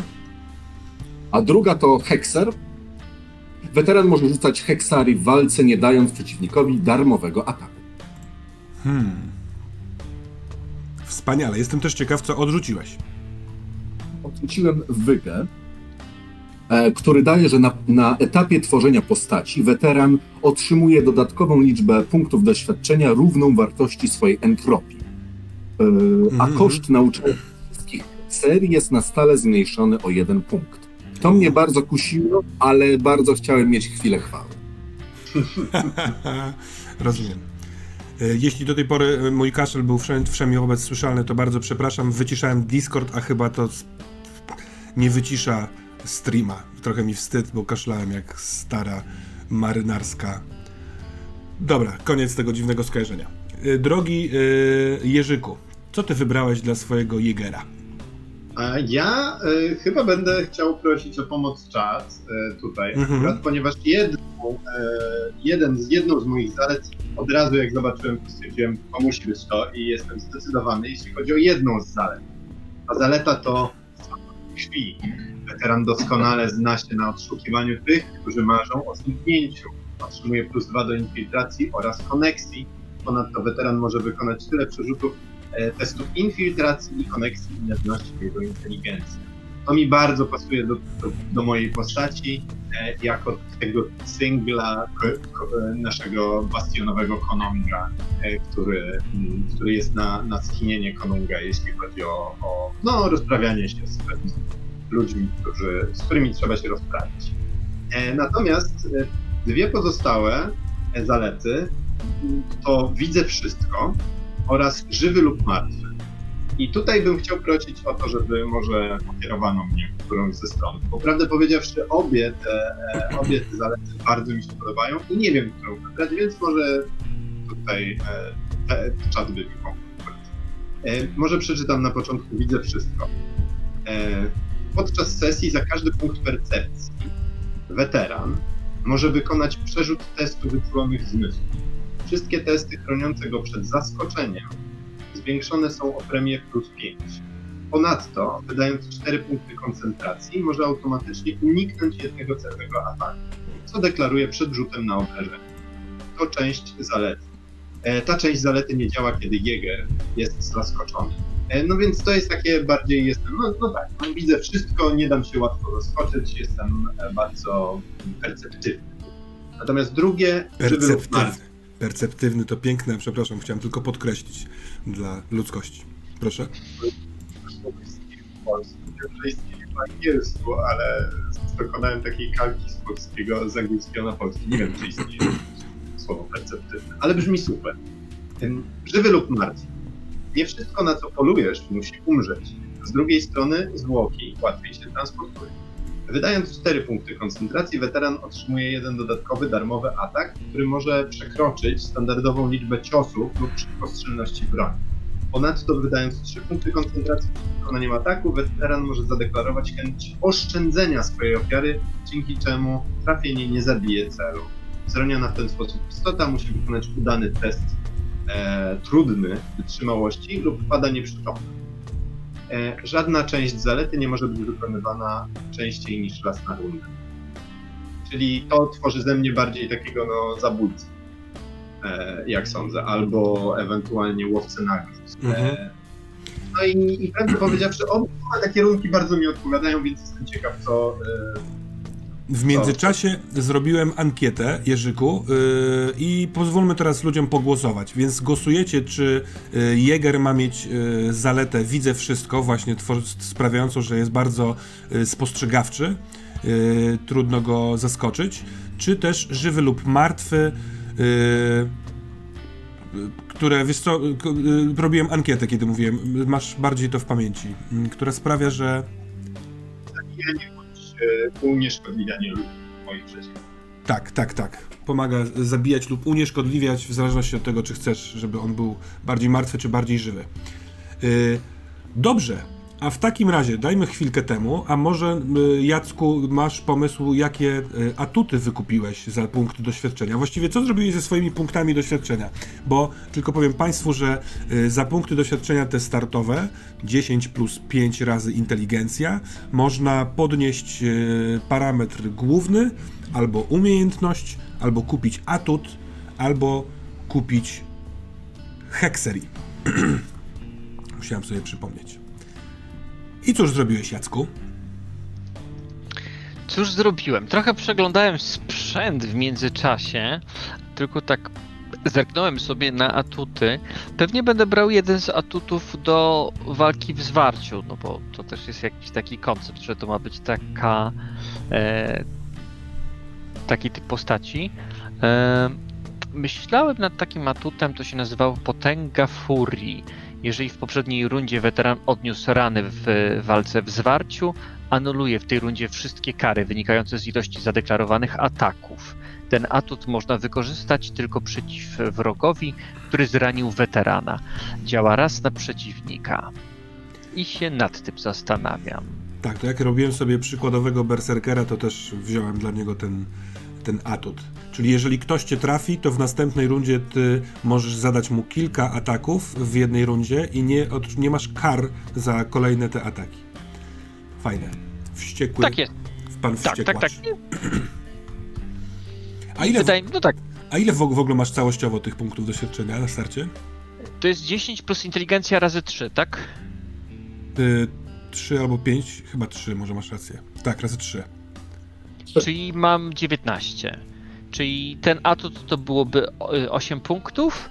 Zostaje mi w takim razie jeszcze punktów 11. A ile kosztuje wykupienie nowej umiejętności? Y, To macie w górnym lewym rogu, ale powiem dla wszystkich. y, Główny parametr to y, po, poziom, na który się chce wejść razy dwa, a umiejętność poziom, na który się chce wejść. Więc jak na przykład broń biała z 3 chcesz awansować na 4, to kosztuje cię to 4 punkty doświadczenia, a jeżeli zręczność z 4 na 5, to kosztuje cię to 10 punktów doświadczenia. Jasne? Jestem. Tak, tak, tak. Bo całkiem- tak czuję, e, że pewnie będę chciał podnieść sobie koneksję. Jeżeli ja jakoś chcę dbać o tą swoją rodzinę i ją ustawiać, to podejrzewam, że no nie tylko działam e, właśnie po prostu machając y, toporem, e, ale też rozmawiam z ludźmi, szukam osób, które mogą mieć jakąś przysługę u mnie i staram się jakby na wszelkie możliwe sposoby tą swoją rodzinę ustawić. A Mhm. więc koneksje wydaje mi się, że mogą tu być sensowne. Wow, a to super, bo w ogóle nie zaczyna Berserker z koneksjami. Czyli jakbyś Mhm. zaczynał, zaczynałbyś rozwijać nową umiejętność od zera, bardzo spoko, bo mm, właśnie no, two, trochę zmieniasz ten archetyp e, i bardzo, bardzo, ale w bardzo fajny sposób, bardzo mi się podoba. To też mi się podoba, że jakby można ten archetyp, y, tak jak zresztą autor gry, który jest obecny na, na czacie napisał, y, to są pewne inspiracje, y, Mhm. można to powyginać, uelastyczniać, więc to w porządku. Podoba mi się opcja twoich koneksji. Wymyślę To tylko ci... trzy punkty mi jeszcze zostały. Przepraszam, że ci wszedłem w słowo. Nie, nie, absolutnie. To cóż, no za trzy może którąś z umiejętności z dwóch na trzy chcesz, albo jeszcze jakiś atut znajdziesz yy, za to? Chwilkę sobie podumaj, a może yy, Juliuszu, co u ciebie w kwestii punktów doświadczenia? Więc tak, chciałbym sobie wziąć e, atut em, z hekserii Będzie bolało. Ma przepiękną nazwę swoją drogą.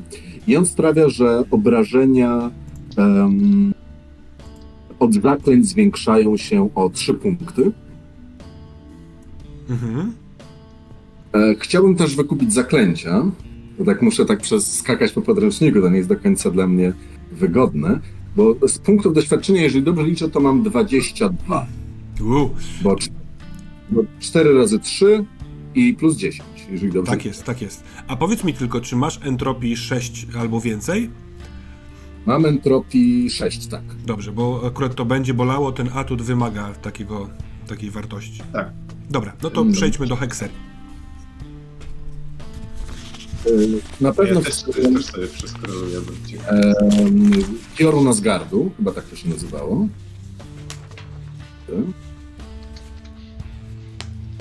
Mhm. To jest piorun, który zadaje obrażenia, w wielkim skrócie. Ale jeżeli ktoś nosi pancerz wspomagany albo jest mokry, to więcej obrażeń wtedy, co mi się to całkiem podoba. No, ma w ogóle zasięg 25 metrów. Niezłe ciśnięcie piorunem. Tak, ale też chciałem być blisko e, walki, w sensie myślałem o tym, żeby być blisko walki, jednocześnie jakby strzelać piorunami. Bang! Tak trzeba żyć. Absolutnie. Jak imperator Palpatine. Jejku. Czyli będziemy po ciemnej stronie mocy. No dobrze. Ciekawe, co na to family Jacek. I cóż jeszcze, mój drogi, bo y, tutaj koszt 3 punkty doświadczenia. To jeszcze chyba sporo masz. Tak, tak, no tyle wyborów, kurczę. E, podoba mi się jeszcze to, co umożliwia lot, to zaklęcie, Mhm. bo jest takie. Dla, Oszukać, dla mnie albo dla kolegów. oszukać grawitację, tak? E, tak mi się wydaje, ja tutaj, Mhm, przepraszam, bo Tak, tak, tak. To ja mam Cięż- przed oczyma, więc to mogę... jest, a to nie jest szczep? To jest szczep chyba, bo ja myślałem o nim. Władca grawitacji.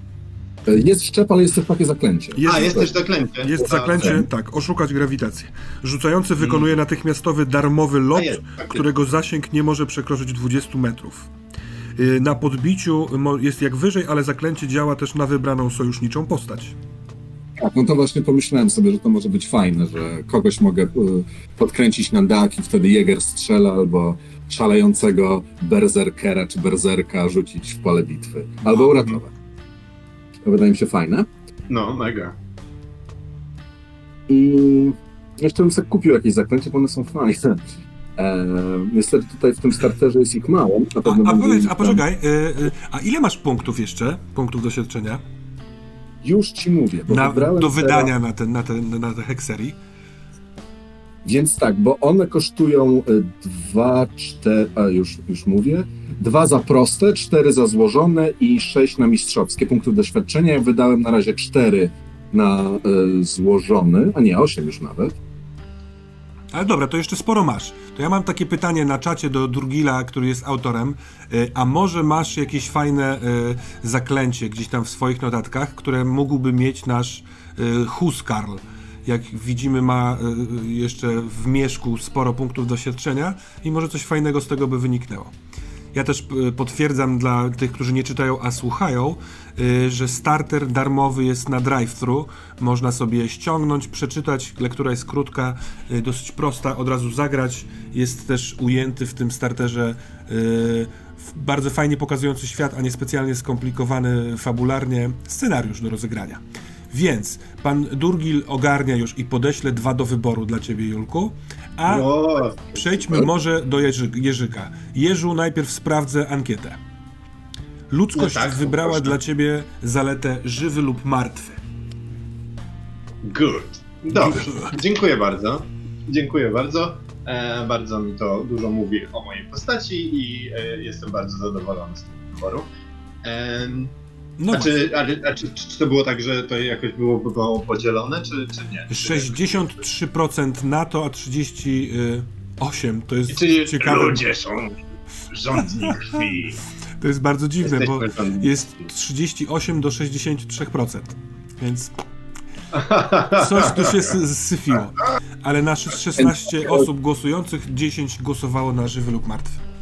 No i super, dziękuję wam. E, I bardzo mi się to podoba. E, no ja, ojejku, w ogóle tyle atutów fajnych, które tu są, które bym chciał mieć, ale mam, są tylko 22 punkty mm, do wydania, więc e, ja pomyślałem, że mm, bardzo, bardzo, bardzo chciałbym mieć e, atut e, mistrzostwo. Aha, E, Weteran zwiększa wybraną umiejętność niezwiązaną z walką, ani posługiwaniem się, ani posługiwaniem się bronią e, o plus d- dwa punkty. aha. E, ani nie może to być związane z hekserii, ale ja nie chciałem tego wiązać ani z hekserii, ani, ani Z walką. A z czym? z walką. E, Już muszę z powrotem przejść do mojego e, tego, do moich e, umiejętności, żebym nie powiedział tej umiejętności źle. Chodziło mi o. Chodziło mi o. Zaraz, to jest Wiking, przepraszam, patrzę na złą postać. O, jest. Chodziło mi o umiejętność infiltracji Mhm. Ponieważ tak sobie pomyślałem, że jednak infiltracja rozszerzona do sześciu e, e, za, za taniej, No tak, o tak. jeden punkt taniej, e, nie, o dwa punkty nawet taniej e, doświadczenia, e, to e, może być coś fajnego. Więc tak, bo chciałbym bardziej lepiej móc się zakradać i być w tym mistrzem. Super. Więc to jest pierwszy, pierwszy atut, który wybrałem. Ja troszeczkę się. polecić Sekundkę jeszcze, y, bo ja y, się trochę poplątałem w tłumaczeniu tego, y, tej umiejętności, więc przeczytam definicję, dobra? Umiejętność ukrywania się i skradania, śledzenia, skutecznego planowania zasadzek, kamuflażu, wyznaczania kierunków dziczy i tym podobne. Dokładnie, czyli to jest taka bardzo e, pojemna e, Tak. i bardzo, bardzo właśnie taka łowczo e, skrytobójcza e, umiejętność, więc myślę, że, e, że dobrze się sprawdzi. Mhm. Jak również bardzo, bardzo, bardzo no właśnie tutaj waham się, no, czy iść w pure damage po prostu i wy- wykupywać sobie doświadczenie Ulla, które zwiększa obrażenia broni strzeleckiej po dwa, No, czy jednak szybkość. I trochę mi się podoba pójście w szybkość. E, Jezu, mogę ci doradzić jedną rzecz. Słucham. Idź w demor. No mógłbym tak zrobić pół na pół, ale czy ja wiem, tutaj będziemy mieli Berserkera, ty jesteś Huskarlem, też dobrze wprawionym w walce. E, Ja widzę siebie bardziej jako kogoś, kto będzie potrafił rasa dobrze strzelić e, precy- z precyzyjnej broni, a pomyślałem, że szybkość może mi się e, przydać. I chciałbym wykupić oda, oba atuty szybkości, czyli zarówno szybkość, jak i jej drugi level, e, szybkość Sleipnira. mhm. E, I szybkość Sleipnira, e, no kurczę, no Sleipnir, no być szybkim jak Sleipnir, Kto super. by nie chciał? Więc oba, oba, oba te chcę e, atuty jeszcze. I to Dobrze. już mnie kosztuje 9 plus 5, czyli 9 plus 5 to 14. Mhm. To dalej mam jeszcze 8 punktów i muszę jeszcze podumać nad tymi Dobrze. 8 punktami, bo prawdę powiedziawszy jeszcze więcej nie wiem. Może wydam po prostu na cech. Podumaj, a w międzyczasie, Julku, czy ty widzisz czat na Twitchu, czy nie widzisz? Tak, właśnie przeczytałem Dobra. e, te, e, te dwa heksery i prawdę mówiąc obydwa mi się bardzo podobają, bo one są takie um, healerskie, że tak powiem, wspomagające. Mhm. Jeden jak e, dotyk Air e, leczy, a drugi mm, sprawia, że mogę zwiększyć obronę i, e, albo trafienie, zadawane obrażenia moim sojusznikom, co mi się bardzo podoba. Wtedy no, pasuje mi to też do koncepcji. Wtedy byłbym takim, to teraz mówię tylko o walce, że Mhm. tam był wspomaga- wspomagaczem, ale też podoba mi się, bo to też mi się kojarzy z takim mistycznym wojownikiem, który nie tylko po prostu strzela piorunami, ale też te inne zasady rzeczywistości i tej magii jakby poznaje. To, to jest fajne. Chyba bym oba kupił nawet, chociaż Ilonek W sumie, E, nie w wiem, sumie czy one- 8. w sumie 8, to wtedy by mi został jeden punkt e, z wszystkiego, gdybym wykupił te dwa. I wtedy bym sobie kupił e, jedną umiejętność jakąś. Ale żałuję, dobrze. To też znów, jak wybierzesz jakąś taką fajną, odbiegającą od archetypu, akurat jeżeli, jeżeli tak, to, to może fajnie poszerzyć y, spektrum tej postaci. Czy ty, Jacku, w międzyczasie podjąłeś decyzję, co zrobić z resztą swoich punkcików? Zostały już tylko trzy, a więc y, niewiele. E, Atuty z tego co patrzyłem są raczej. Czy jest taki tani atut, który mógłbym za to wziąć? Mm, Wiesz co, jest coś, coś co nazywa się znajomość półświadka. Kontakty z przestępcami, gry pserka, znajomość gangów i organizacji przestępczych. Postać zyskuje 3, plus 3 punktu do rzutu na charyzmę i koneksję podczas kontaktów z marginesem społecznym. Akurat mi się rzuciło oczy, że, w oczy, że kosztuje 3, a to nie, nie jakaś po, poważniejsza sugestia z mojej strony. Tak, bo to chyba jest jedyny, który jest taki tani, nie? Jest też pogromca bestii. Bohater otrzymuje pre premię plus 3 punkty do trafienia i zadawanych obrażeń, walcząc z dzikimi bestiami lub niehumanoidalnymi obcymi. Dotyczy to zarówno walki w zwarciu, jak i dystansowej. Jeżeli byś to wziął, to ja wtedy w grę wcisnę bestię. Jeśli nikt tego nie weźmie, albo w sensie na przykład, a, albo we, wziąłbyś ten, tą znajomość półświadka, no to y, raczej kosztem bestii y, wezmę półświatek. E, Zastanawiam się, co jest ciekawsze, bo obie opcje są dobre, bo znajomości z półświadkiem mogą się brać stąd, że on się stamtąd wywodzi. Mhm. I właśnie dlatego, że mm, no, w jakiś sposób zostawić tą przeszłość, tak? Wychowywał się w jakichś slumsach tego bastionu, Aha. ale no, znajomości są. No, sta, ta, ta, tam jakby się wychował i może zasięgnąć języka jak potrzebuje. E, Tylko to jest coś, co chcę robić jak najrzadziej, bo chcę właśnie, żeby tam przeskoczył na, jakby do wyższej klasy tak. społecznej. E, I to jest, to jest ciekawe. No a z racji pracy po prostu zabijanie bestii też może mieć sens, bo na przykład jeżeli właśnie on niespecjalnie lubi e, tę robotę, no to powiedzmy eksterminowanie jakichś bestii no, wydaje się najbardziej no, takie czyste albo proste moralnie, bo zabić jakiegoś e, powiedzmy, no nie wiem, no akurat giganci są inteligentni, no ale może właśnie nie wiem jak wyglądają rzeczy, w które siedzą w bestiariuszu i na ile one są świadome, a na ile nieświadome, ale to mogłoby mieć sens, że on poszedł ścieżką, że właśnie wysyłajcie mnie na jakieś dziwne, e, dziwne stwory, aberracje i on będzie je siekał. A więc jedno i drugie jest ciekawym wyborem. To co E, powiesz na to myśl- ankietę? Myślę, że to jest bardzo dobry pomysł. Bęk, ankieta w międzyczasie przygotowałem, leci. No to mamy chwilkę na zebranie wyników y, dotyczących twojej ankiety. Jerzyku, czy ty dopowiadasz rzeczy do końca? E, tak, e, właśnie kurczę, ta znajomość półświadka, e, to ja poczekam na wynik ankiety e, Jacka też troszkę, jeśli chodzi o znajomość półświadka, więc nie będę nic tutaj e, mówił. Bo też cię E, korciła. Też mnie trochę korciła, tak, ale to nieważne. I nie chciałbym, żeby to miało wpłynąć jakby na ten wybór ludzi, jeśli chodzi o, o postać Jacka. E, Poza tym, ja jak, tutaj... jak, jak dla mnie dwie osoby, które znają, mają takie coś jak znajomość półświadka, oznacza, że będzie więcej półświadka w naszej grze. Aha, jeżeli ci, ci to nie przeszkadza, e, to, to fajnie, aczkolwiek też nie chciałbym e, Jacka pozbawiać jakiejś tutaj wyjątkowości.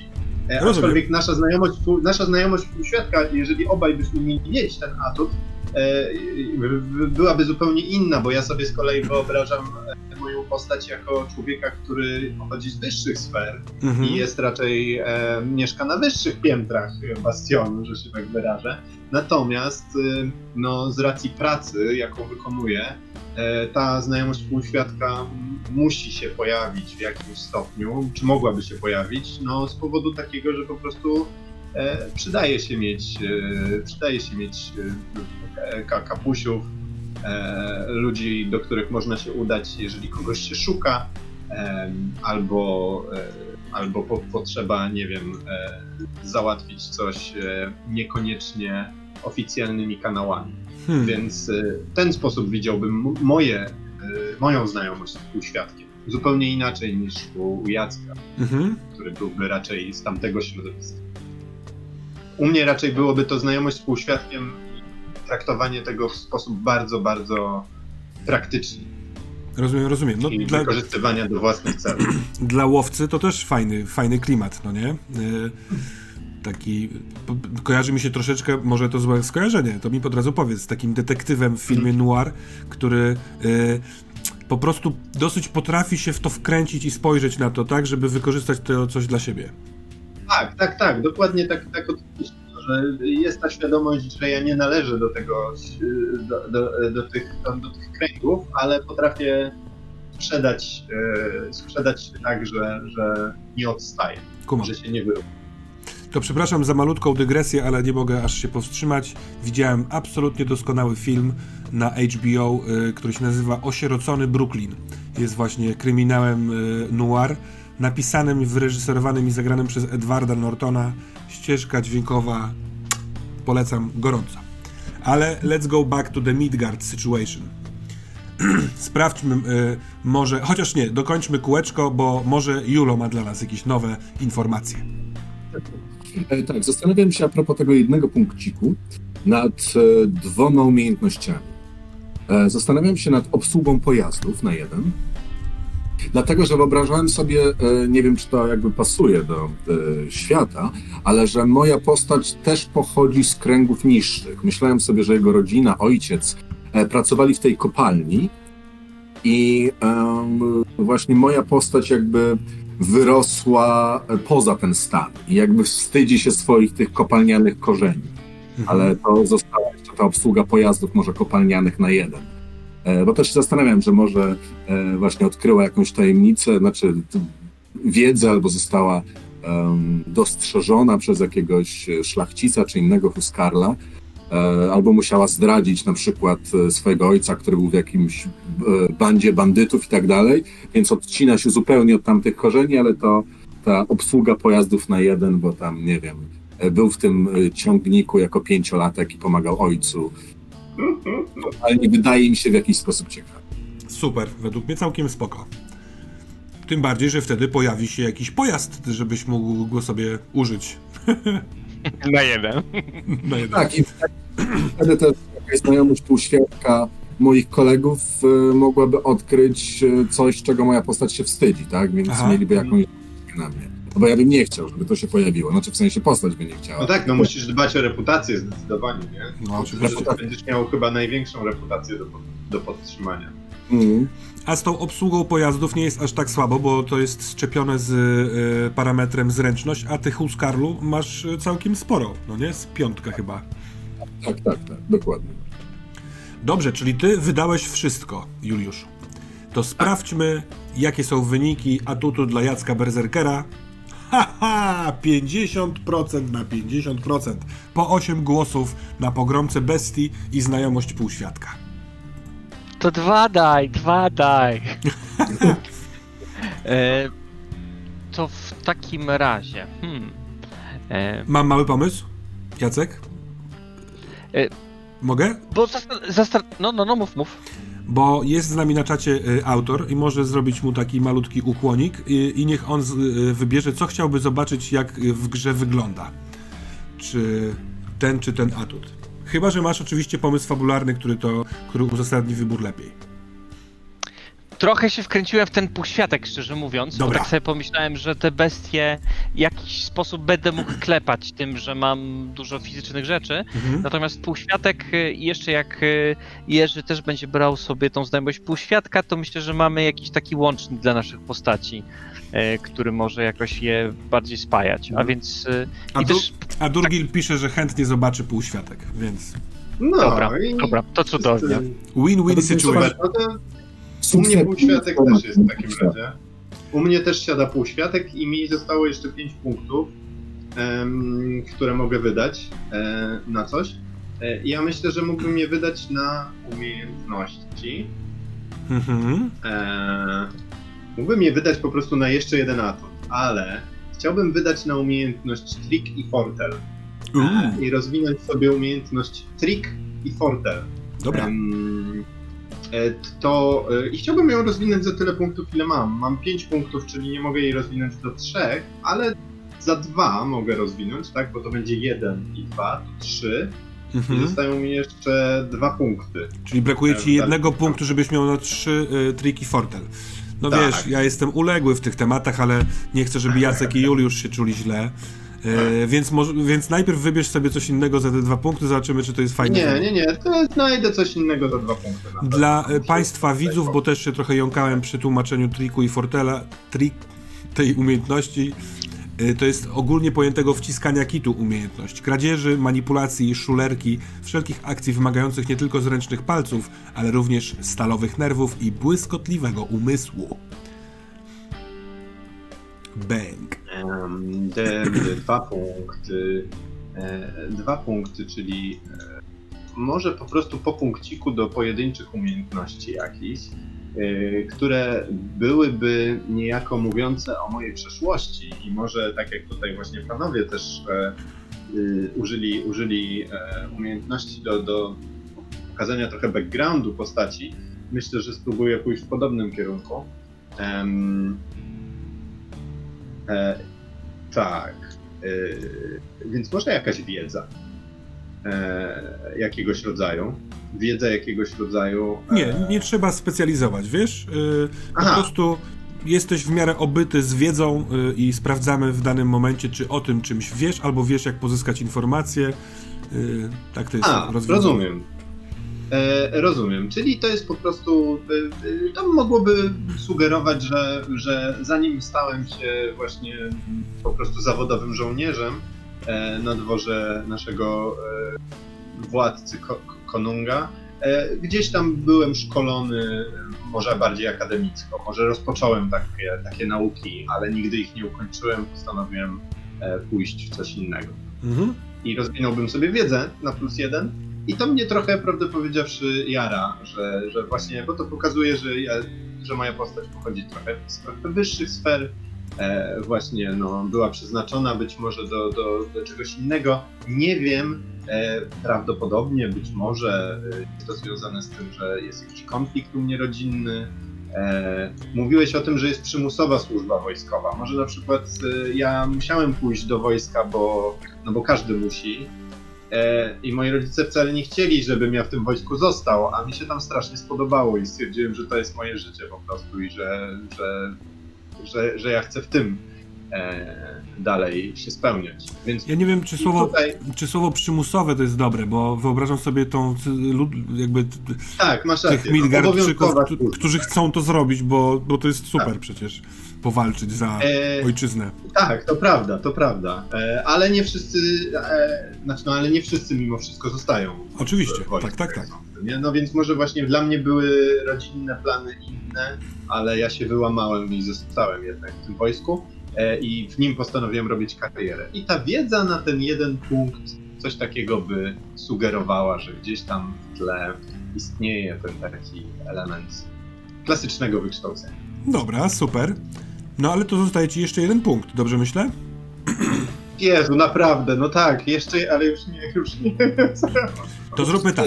Powiedz, y, jakich nie masz umiejętności i ludzkość wybierze. Ta z was osoba, która pierwsza wskaże y, umiejętność wyczytywaną przez y, Jerzyka i pisząc ją w czacie, to z tego uklecimy jakąś historię dla twojej postaci. Co ty na to? E, Jerzyku? Dobrze. Tak, czy, czyli czytać jakich, e, czytać, Jakich nie masz? Których, których nie mam umiejętności. Mhm. E, których nie mam. Tak. E, wiesz co, to poczekaj, muszę sobie to zrobić tak, żeby było mi wygodnie, czyli przełożyć na osobny ten, e, bo, bo nie mogę czytać umiejętności i e, nie mogę czytać umiejętności naraz. Wiesz co? rozdzielić na dwa okna. E, do... ale już to zrobiłem, także, No to dawaj. już to zrobiłem, także, także tak. Których umiejętności nie mam? Muszę wybrać z tego co widzę. Ojej, włączył mi się jakiś podgląd. Muszę. Czy ja wybieram? Tak, wybieram, czy obsługa pojazdów, czy gwiezdny pilotaż. Więc e, wydaje mi się, że, że e, mnie kusi gwiezdny pilotaż, więc nie będę miał obsługi pojazdu. E, to jest jedna z umiejętności, których nie mam. Nie Mhm. mam e, walki, e, nie mam walki wręcz, Mhm. Nie mam wytrzymałości. E, I to jeśli chodzi o, si- o budowę ciała, to tych umiejętności e, nie mam. Walka wręcz i wytrzymałość. Mm, dalej. E, broń krótka. Nie, posiadam. Obsługa pojazdów, tak jak mówiłem. Nie posiadam, refleks zdaje się posiadam. E, tak. Dalej. Broń długa posiadam. Gwiezdny pilotaż posiadam. Wyczulone zmysły posiadam. Koneksję posiadam. Technika nie posiadam. To czyli technika. To jest jeszcze jedna z umiejętności, które mógłbym mieć. Em, hakowanie. Również nie mam tej umiejętności. Oraz e, nie mam umiejętności e, tych, o, tych charyzma nie mam. Hekserii nie mam. Siła woli nie mam. Więc tutaj jest sporo. Napisałem chyba wszystkie. I teraz tak, wcześniej Tadori ci sugerował refleks, ale refleks już masz, więc odpada. Y, hakowanie sugeruje Pietruszkowa, a później y, zmienia zdanie na charyzma. Karmin Mhm. Noir jest za siłą woli. Myszkorow, Myszkoworski też za siłą woli. Mhm. Co tu wybrać? Hakowanie, charyzmę czy siłę woli? Coś ci dzwoni? Y, W, Eee. w postaci? E, Czy coś mi dzwoni w postaci? E, e, to- Prawdę powiedziawszy, nie chcę brać hakowania, bo Mhm. nie wydaje mi się, żeby to był tego rodzaju, e, żeby to był tego rodzaju łowca. Już nie chcę z niego robić po prostu e, takiego e, jack of all trades, który Mhm. będzie się znał i na to, tym, to zobacz, to zobacz. Są już trzy osoby na temat siły woli, a ja sobie myślę, że siła woli jakby jako taki responsywna umiejętność, która y, jest y, odpornością na strach, na wydarzenia szokujące, na jakieś takie rzeczy, może być w porze. Mhm. Co ty Też to? mi się tak wydaje. Też mi się tak wydaje. Absolutnie też, e, sprzedane. Też mi się podoba. Sprzedane. Sprzedane. I drodzy panowie, czy w związku z tym y, mamy wydane punkty doświadczenia, y, czyli jesteście gotowi ze swoimi parametrami głównymi, parametrami pomocniczymi, umiejętnościami, zaletami, atutami? Tak jest. Tak jest. No to czas na wszczepy. Co wy na to? Mm. Otwórzmy starter na stronie 49 i tak. Każdy z Was ma y, parametr pomocniczy neurostabilność, którego wartość to inteligencja razy 5.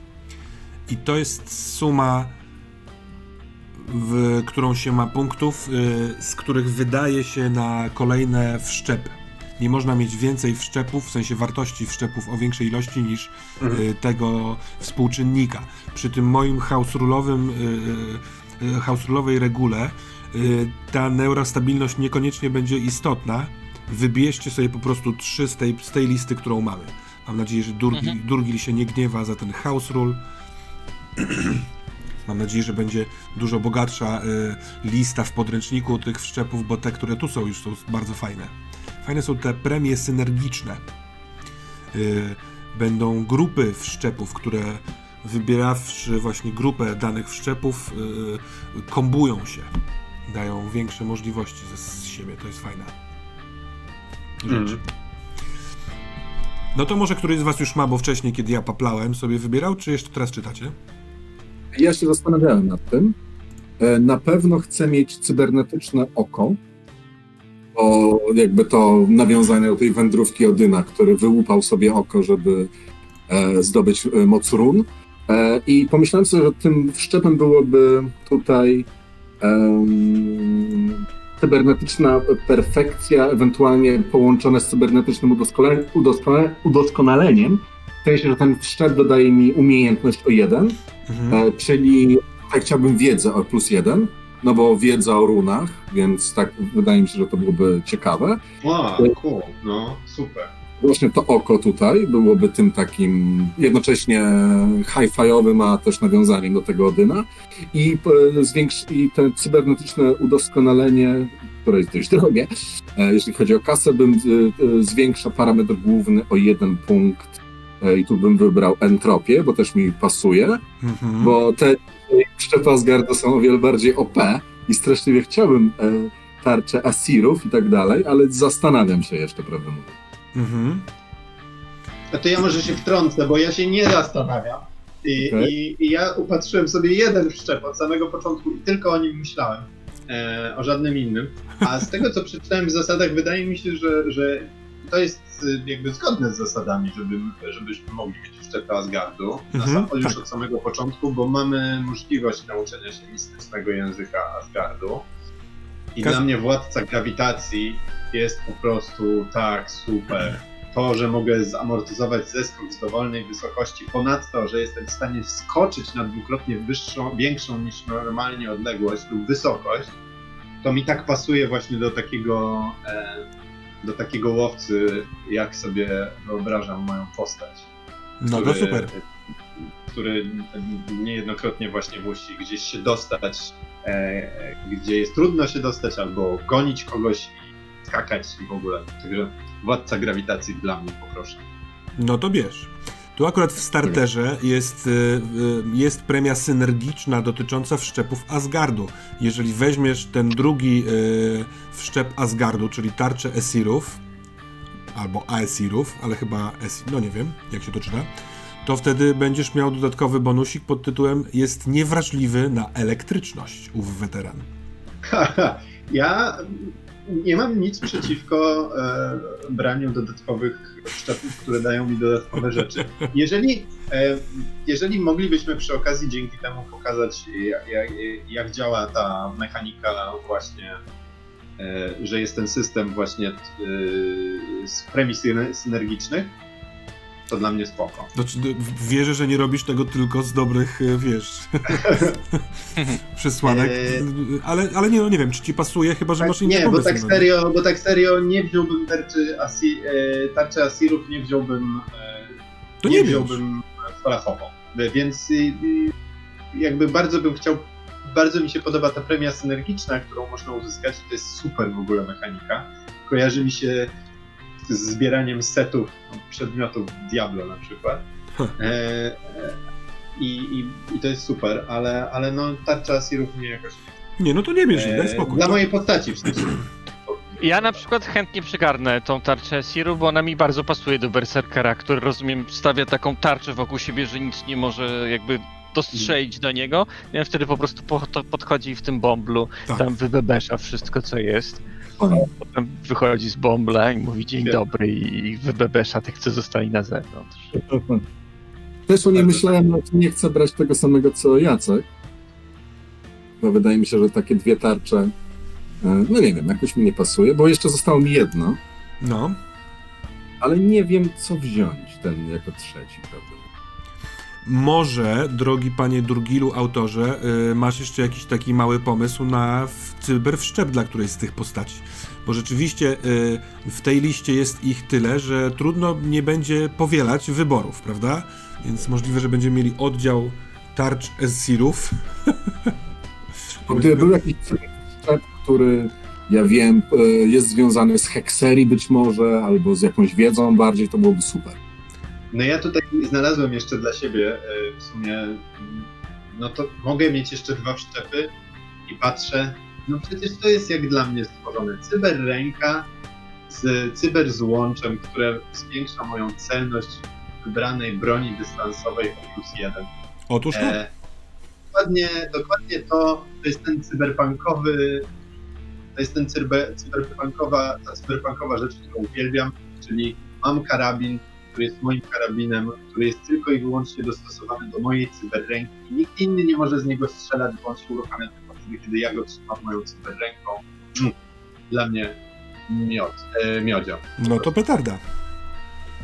Ja mam malutką wątpliwość, bo, bo tak, bo jest y, te cyber... Y, ręce są połączone ze sobą. Jest wszczep cyberręka i y, można potem do tego dobrać sobie pieszczochę, która wzmaga obrażenia w walce wręcz, albo tak jak ty cyberłącze, która sprawia właśnie, że celność jest wyższa. Ale jak rozumiecie to, że cyberręka postać zyskuje jedną cybernetyczną kończynę. Wszczep może posiadać następujące lub dobra. Czy ty masz trzecią rękę, która jest cybernetyczna? Nie. Czy zamiast twojej nie, jednej nie. zwykłej masz tą cybernetyczną? I jest- traktowałbym to chyba jako, przepraszam, jako jeden Aha. szczep, y, bo chyba sama cyberręka nic nie daje, Tak, a tak, tak, tak. cyberręka plus ten upgrade, to dopiero wtedy to było Znaczy ja myślę, że to jest, y, gdybyśmy grali kampanię, to ma tutaj znaczenie, tak? Bo e, na początku nie stać się na nic więcej poza cyberręką. Tak, tak, robisz tak, sobie tak. cyberrękę i już masz cyberrękę, a potem możesz ją upgrade'ować, do, do, do, dodawać do niej nowe rzeczy. E, ale tutaj jesteśmy już jakby wyekwipowani, więc oczywiście, że mam to cyberzłącze. Dobra, dobra. Mm, Tutaj ale to też, jest, moja, to jest moja prawa ręka, to nie jest dodatkowa ręka. tu też potwierdził Tadori, który też jest chyba związany z e, produkcją gry. Yy, strzelam, że Dawid. I potwierdził, że to jest tylko proteza.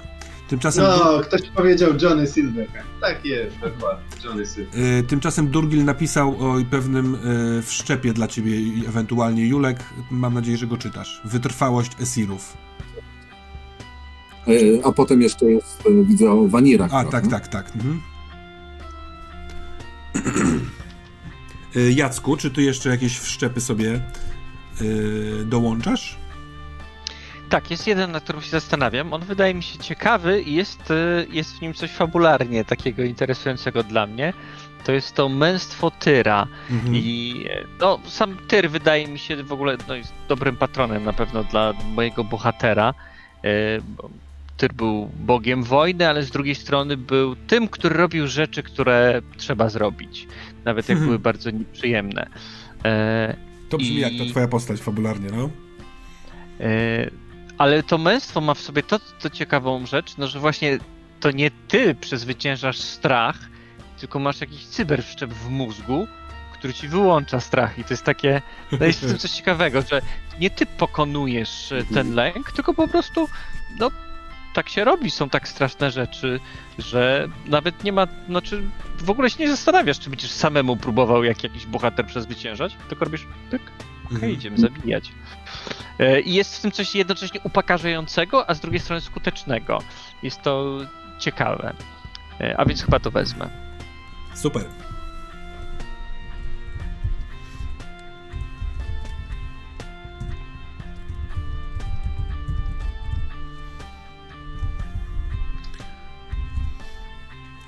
No dobra. Jerzyk, ty masz już trzy wszczepy? Tak, ja już jestem e, wyszczepo, wyszczepowany.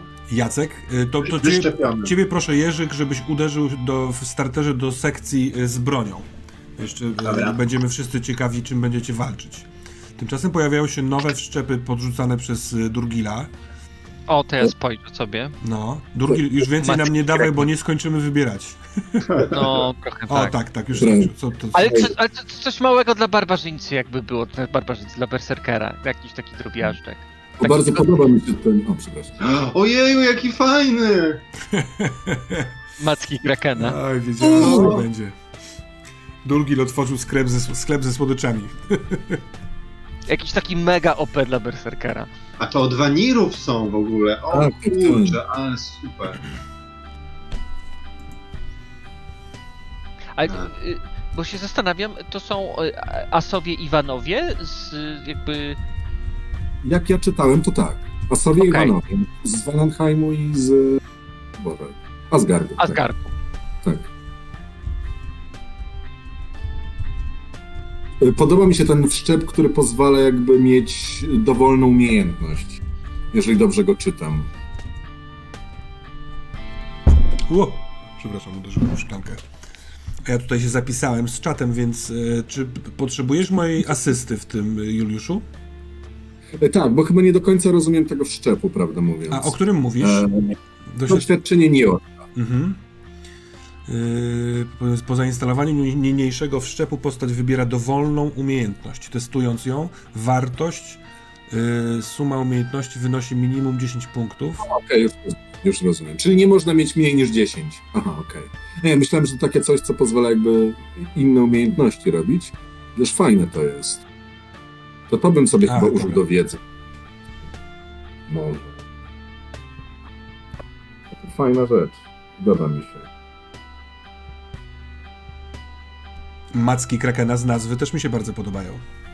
Mega. Maski Krakena są super, ja się właśnie zastanawiam, czy, czy, Czy nie zamienić?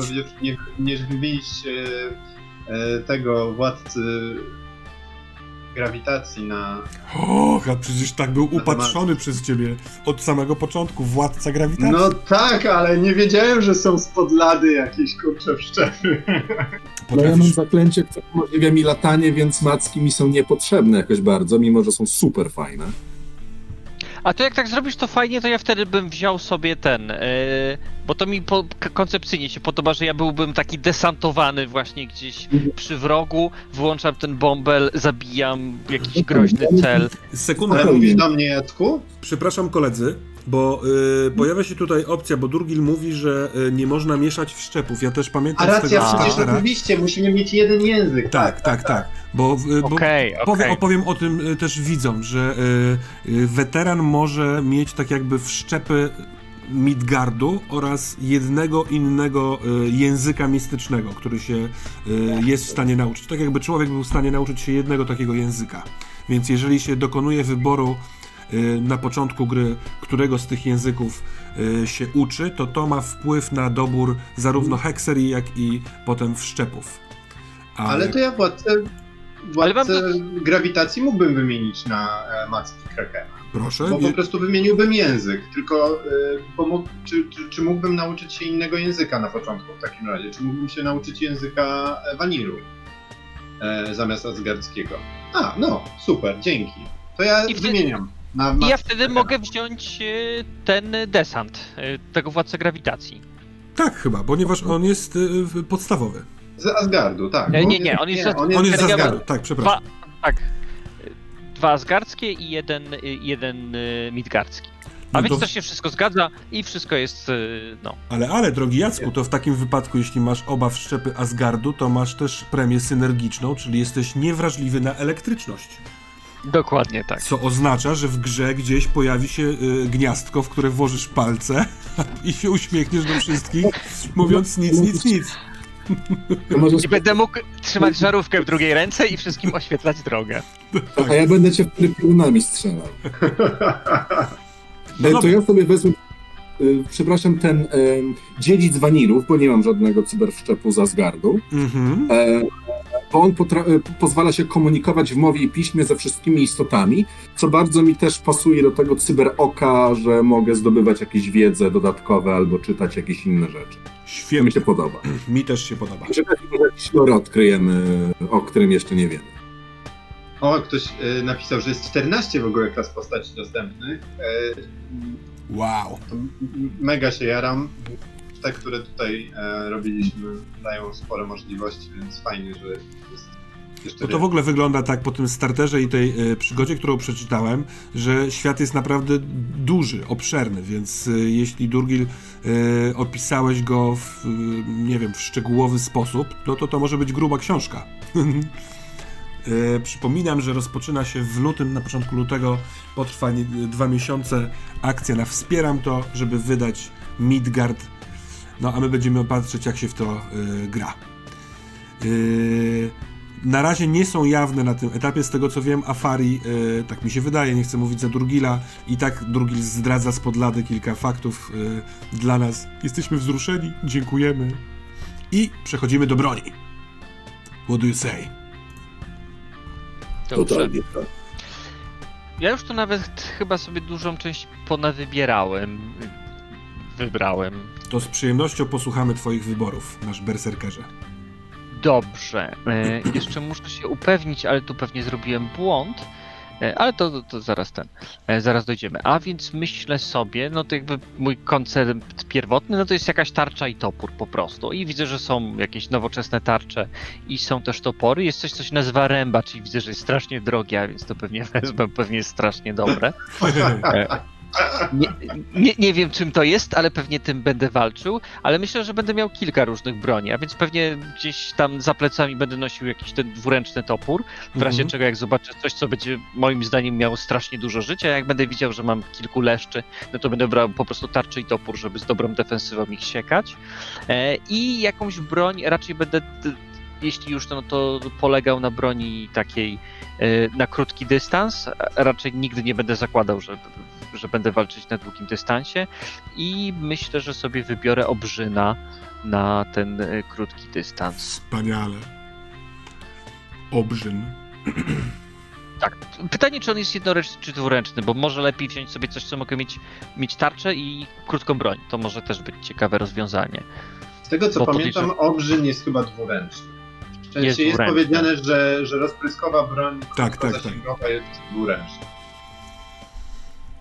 Y, Jest, wymaga użycia dwóch rąk. Strzelba rozpryskowa traktowana jest jak broń krótka, czyli strzela się z nich testując zręczność, która wymaga użycia dwóch rąk.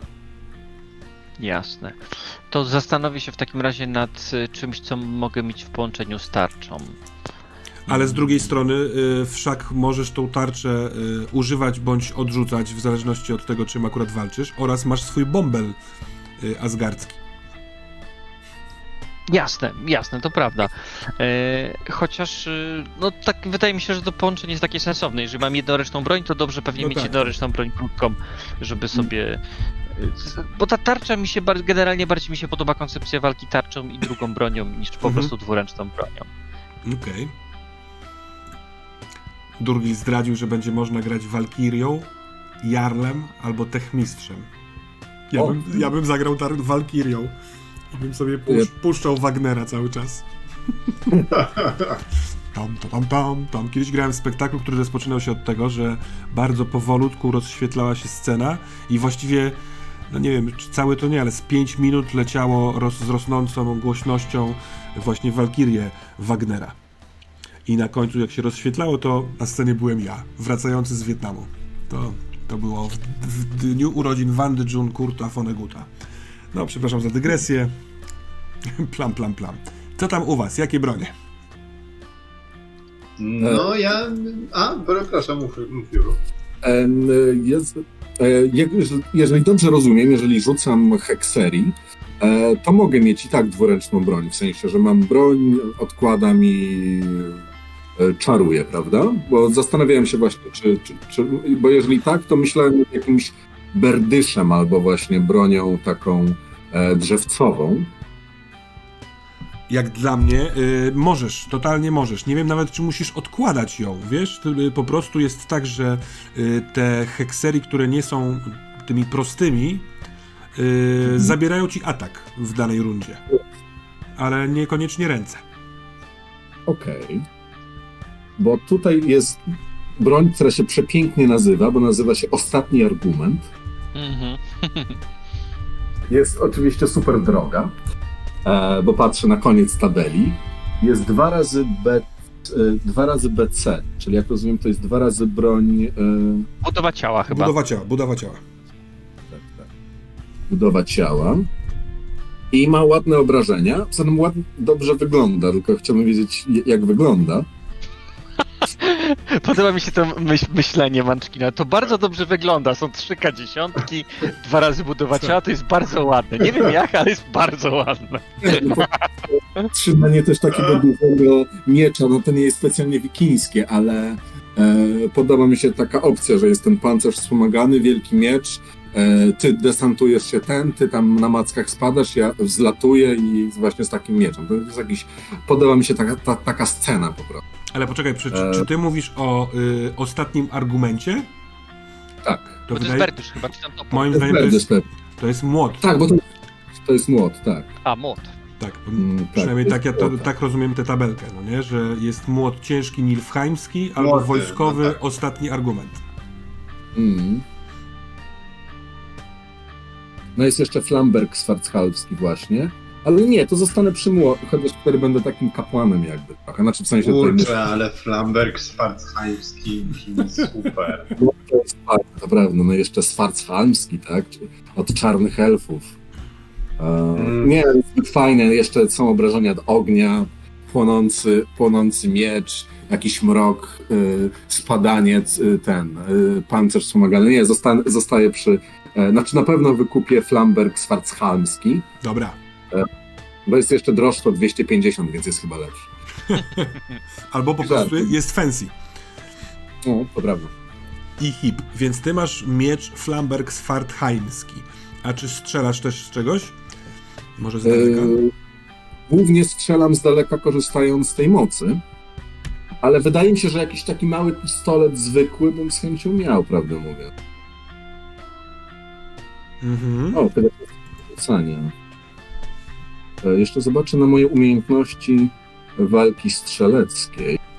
Tak, E, no, e, py- Pytanie Termosie, czy my mamy jakiś budżet do wydania? Nie. Przez, e, czy nie? Nie przejmujemy się. Nie, nie, nie, nie przejmujemy się. Na tak short notice again.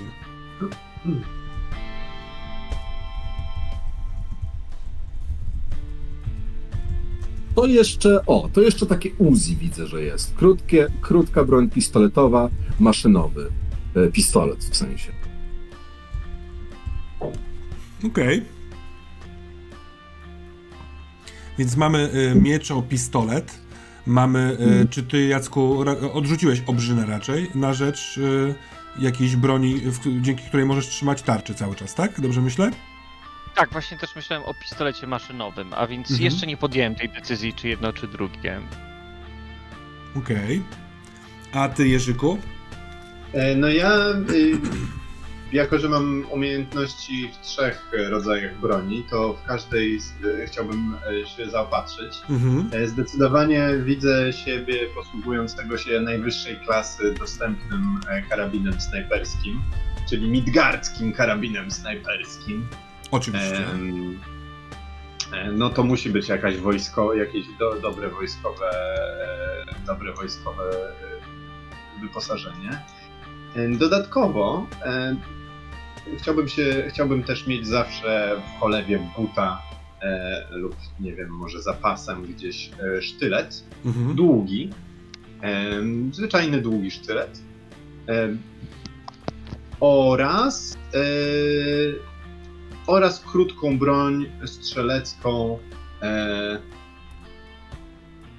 i teraz tak, właśnie, bo to są krótka pistolety, tylko ja bym nie chciał mieć pistoletu maszynowego, ja bym chciał mieć zwykły pistolet em, zwykły pistolet samopowtarzalny, e, czyli midgardzki krótki, midgardzką krótką broń którą Mhm. po prostu noszę w, e, w olstrze e, pod pachą. Dobra. I myślę, że ten, e, tak, pistolet, no, pistolet czy, czy, czy, czy sztylet, no to by było coś, co moja postać nosi ze sobą po prostu na co dzień, e, wykonując różnego rodzaju zadania. Natomiast, no, karabin snajperski, no wiadomo, że raczej nie noszę go na plecach cały. Dobra. Panowie, cóż jeszcze z broni? Ja No, z broni Mi, To proszę, Jacku. jeżeli mogę pozbyć się tego trudnego kłopotu, to wziąłbym sobie pistolet maszynowy i obrzyna i, i bym w, doraźnie zastanawiał się, czym zabijać ludzi. Albo nie ludzi. Albo jotunów. Z punktu widzenia berserkera bardzo lubię y, twój wybór. Berserkerowie świata, łączmy się. Dobra. E, więc tak, jest jeszcze. e, spróbujmy zrobić z tego ostatni rozdział naszej, e, naszego tworzenia postaci. Zbroja, pancerz, tarcza. Tego tutaj wyborów nie ma zbyt dużo, więc. czy może macie już wybór? Czy to kamizelka polimerowa, czy nanoskórznia, czy y, służb specjalnych Midgardu, pancerz wojskowy? No jeśli o mnie chodzi, wybór może być tylko jeden. Zarówno za nazwę, jak i za użyteczność nanoskórznia. Tak myślałem. fajnie, bo jest zbroja Jotunheimu, ma bardzo do, dużą y, y, obronę w zwarciu, ale ma minus 3 na wysportowaniu. Więc to dla takiego Jägera chyba nie jest dobry pomysł. E, Mówisz o tej, e, tak, o tej następnej, nie? O zbroi Jotunheimu. A, zbroja Jotunheimu, tak, tak, tak. No właśnie, ale to jest wojskowy, szturmowy Mhm. pancerz i tak... y, Nie, bo ten, Nie, no ten bo nie- wyższy pancerz wojskowy, batali, balistyczny, przepraszam, służb specjalnych Mhm. Midgardu, on jest całkiem fajny, no i nie, nie, nie ma y, kary za wysportowanie. Jest bardzo drogi, więc pewnie normalnie nie byłoby nas stać na to, ale jeśli chciałbyś to zamiast nanoskórzni, no to cię... Nie, nie, nie. Już tłumaczę, dlaczego nie. E, Wydaje mi się, że te dwa pierwsze pancerze, e, m, nawet chociaż to, to już jest pancerz bojowy, nanoskórznia już jest pancerzem bojowym, zależy mi przede wszystkim, żeby mieć pancerz, który da się ukryć e, jeszcze w miarę pod ubraniem albo pod, pod właśnie, nie wiem, jakimś płaszczem albo coś takiego. Natomiast wyobrażam sobie, że pancerz wojskowo-balistyczny już jest niemożliwy do, do ukrycia. To już jest jakaś, kurczę, wielka, wielka rzecz, którą, którą będę miał, e, która będzie na mnie bardzo widoczna. A wolałbym mieć taki pancerz, który nie rzuca się po. Okej, Stąd mój wybór nanoskórzny. dobra. Jacku, masz już dla siebie E, zbroję? Ja się waham między pancerzem służb specjalnych Midgardu albo zbroją Jotunheimu. Chyba trochę bardziej w stronę służb specjalnych, dlatego no bo bardziej się boję, że zostanę odstrzelony nim dobiegnę do kogoś. To wydaje mi się bardziej e, większym zagrożeniem. E, I wolę zginąć, jak już do kogoś dobiegnę, bo wtedy powiedzmy mam bardziej kontrolę nad tym, co się dzieje, a więc chyba będę jednak szedł w mocniejszy pancerz balistyczny, a słabszy ten y, w zwarciu. Dobra. Dobra. A Juliusz, nasz Ja prawdę mówiąc myślałem podobnie, w sensie też waham się pomiędzy em, pancerzem em, służb, służb specjalnych Midgardu a zbroją Jotunheimu. Mhm. E, I teraz się zastanawiam, który jest ładniejszy z wyglądu. E, no zbroja Jotunheimu jest taka bardziej lodowa i tak dalej, a służb specjalnych Midgardu pewnie jest taka, no... Mm, pewnie ma więcej jakiejś czerni, może jakiejś skóry. A wiesz co, a może, a może wcale nie, bo zobacz, na przykład y, grafiki w, tych, w tym starterze, ale powiedziałem grafiki, grafiki w tym starterze są y, często jaskrawo kolorowe. Na przykład ten Huskarl, y, akurat jest na, namalowana kobieta, ma taką Mhm. zbroję różowo-biało-srebrną. No Nawet, to, to jest nawet fancy blue troszeczkę. To prawda. Ale też, e, też e, pójdę tak samo jak Jacek i też wezmę służb specjalnych Midgardu, Mhm. a, a faktycznie to pewnie pójdę w różowy i czarny. Ale Tak no bo to musi być mógł, trzeba się ładnie prezentować. Oczywiście, że tak. No dobrze, y, tutaj te szczegóły z- uzbrojenia y, rynsztunku y, trochę nas y, y, spowolniły. Ja mam tak, że zawsze tę te, te część robienia postaci. No dobra, dobra, szybko, czymś tam będę rzucał, jakąś dzidą. Bo tak, mamy, mamy trzech gagatków. Czy chcielibyście spiąć informacje o tych swoich postaciach, tak jak one teraz na sam koniec tego procesu leżą w waszych głowach? Tutaj na przykład wcześniej Mysz Koworski dopisał przydomki tych dzieci, nie pamiętam, Tora czy Odyna. Iwar, Iwar był bez kości, nie wiem czy to pasuje. Bjorn Żelaznoboki, y, Halfdan bez przydomku, Sigurd Wężooki, Ubbe i Hvitserk Biała Koszula. Oczywiście przydomki możecie mieć inne, ale chętnie bym usłyszał na koniec, y, kim są te postaci. Julku, zaczniesz? Pewnie. Ja bym wziął imię Hvitserk, bo bardzo je lubię. To jest strasznie ładne imię. E, I Hvitserk e, wychował się w niższej dzielnicy i jego rodzina e, zarabiała pracując w kopalniach. I kiedy przyszła pora, pora na to, żeby do, poszedł do wojska, to tam został odkryty, całkiem nieźle sobie radził. I tu, a, tutaj bym dodał ten wątek.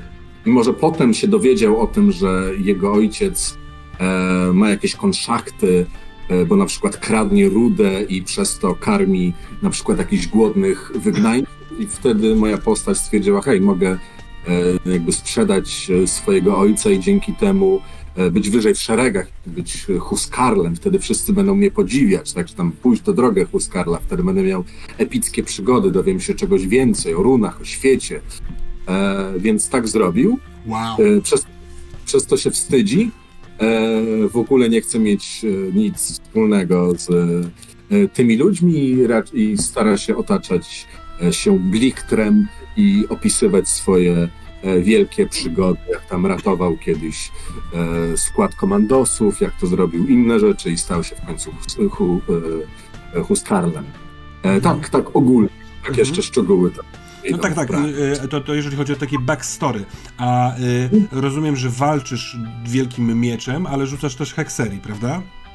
Tak, tak, bo ma dość dużą afiliację z, z, tym, z tym echem Mhm. e, Hexa, to jest i to go bardzo interesuje i dlatego chce to zgłębiać bardziej. No właśnie, jak jest ta wędrówka Odyna, prawda, i to poświęcenie samego siebie, żeby więcej to, to go zainteresowało, no bo e, zainteresował się, kim są bogowie, czym są i czy można coś więcej e, dowiedzieć się o jakby strukturze rzeczywistej. Okej. Jacku, czy mógłbym prosić ciebie? A więc y, Iwar. Nie mam pojęcia jeszcze, jaki może mieć przydomek. Myślę, że Iwar jest wielgachny, umięśniony, pewnie pokryty dużą ilością blizn. E, walczy różnymi brońmi. Ma wielki topór za plecami. Zazwyczaj walczy za pomocą e, topora rębacza e, i e, tarczy. I tak myślę, że patrząc jakoś tak na story jego, no to tak, to na pewno jest, jest gdzieś, no ale to już tak wspominałem o tej rodzinie. Myślę, że jego droga może się zaczynać od tego, że mógł mieć jakiegoś takiego przewodnika w jakiejś drużynie, która była desantowana w różnych miejscach. E, powiedzmy, że nazywał się Bjorn i kiedyś była taka sytuacja, że był jakiś wielki jotun, wielki, wielki gigant, czy jakaś bestia, e, która tam e, kompletnie krzyżowała szyki wszystkim, wszystkim Asgardczykom i on wtedy Bjorn zarządził, że ta drużyna uderza, no i wtedy powiedziałem mu, no ale nie ma szans, żebyśmy dobiegli w ogóle do tego Jotuna, bo on przynajmniej no, połowę jak nie więcej nas po prostu zabije w drodze do niego. Była to jakaś taka bestia z długimi łapami e, i on powiedział, tak będzie, ale ten, kto dobiegnie i go zabije, będzie kimś. I to byłem ja. Pięknie. E, I dlatego rozumiem, jak trudno jest wyjść z tej, powiedzmy, ten, jak był ten mój oddział, i tam wszyscy byli właśnie z jakiejś koziej dupy, jak trudno jest wyjść z koziej dupy, jak się już wyszło z tej koziej dupy, e, no robię wszystko, żeby nigdy do niej nie wrócić, no bo e, nie chcę nigdy biec drugi raz e, przez e, ten.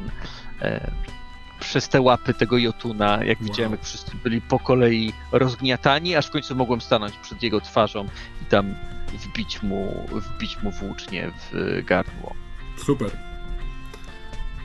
A jeżeli chodzi o tą rodzinę, tak się zastanawiam, czy y, grać to, czy, czy mieć czas na to, czy chcesz mieć takie, takie wątki właśnie interpersonalne, czy nie wiem, traktować ją jako taki jakiś leverage, y, jak to się mówi po polsku pięknie, dźwignię? Myślę, że tak, myślę, że tak, że to jest jakby, to jest najważniejsza część tego bohatera. Mhm. On nie pragnie, przynajmniej nie pragnie chwały dla siebie, myślę, że pragnie spokoju dla swoich dzieci. To jest To y, domyślam się, że to jest y, żona, ewentualnie mąż, bo jesteśmy w nowoczesnym świecie, i dzieci, y, czy dziecko. Myślę, że dwójka dzieci. Myślę, że y, chłopiec i dziewczynka i mam żonę. Ona Mhm. też jest tych nizin i to myślę, że było po tym, jak y, udało się zabić tego stwora. No to wróciłem i wtedy moja postać, wtedy Iwar się oświadczył jej i powiedział, że teraz jest w stanie Mhm. zapewnić jej dom i że teraz, y, y, że teraz się ich życie odmieni. Super. Y, To y, w przerwie, bo nie wiem, w sensie w przerwie tej, tej, tej tygodniowej przyda mi się, y, przydadzą mi się imiona tych ludzi i wiek dzieci. jeśli będę mógł cię prosić o to. Chyba, że teraz Dobrze. będziesz miał pomysł, kiedy Jerzyk opowie sagę o sobie. Si- Sigurd. Eee, Sigurd e, wywodził się z rodziny bardzo dobrze sytuowanej, e, być może postawionej gdzieś nawet e, blisko dworu e, Koninga. E, I był przeznaczony właśnie do. Miał być przeznaczony do, do, do takiej pracy właśnie przy dworze, do, do, do jakiejś pracy takiej wyższej w mniemaniu jego, e, w mniemaniu jego rodziny, jego rodziców. E, to był no, taki jakby ród, wiadomo, taki ród szlachecki, uznający się do, za taką wysoką, e, wysoko postawioną, dobrą krew, która, która tutaj świadczy o, o wielkości naszego bastionu. Mhm.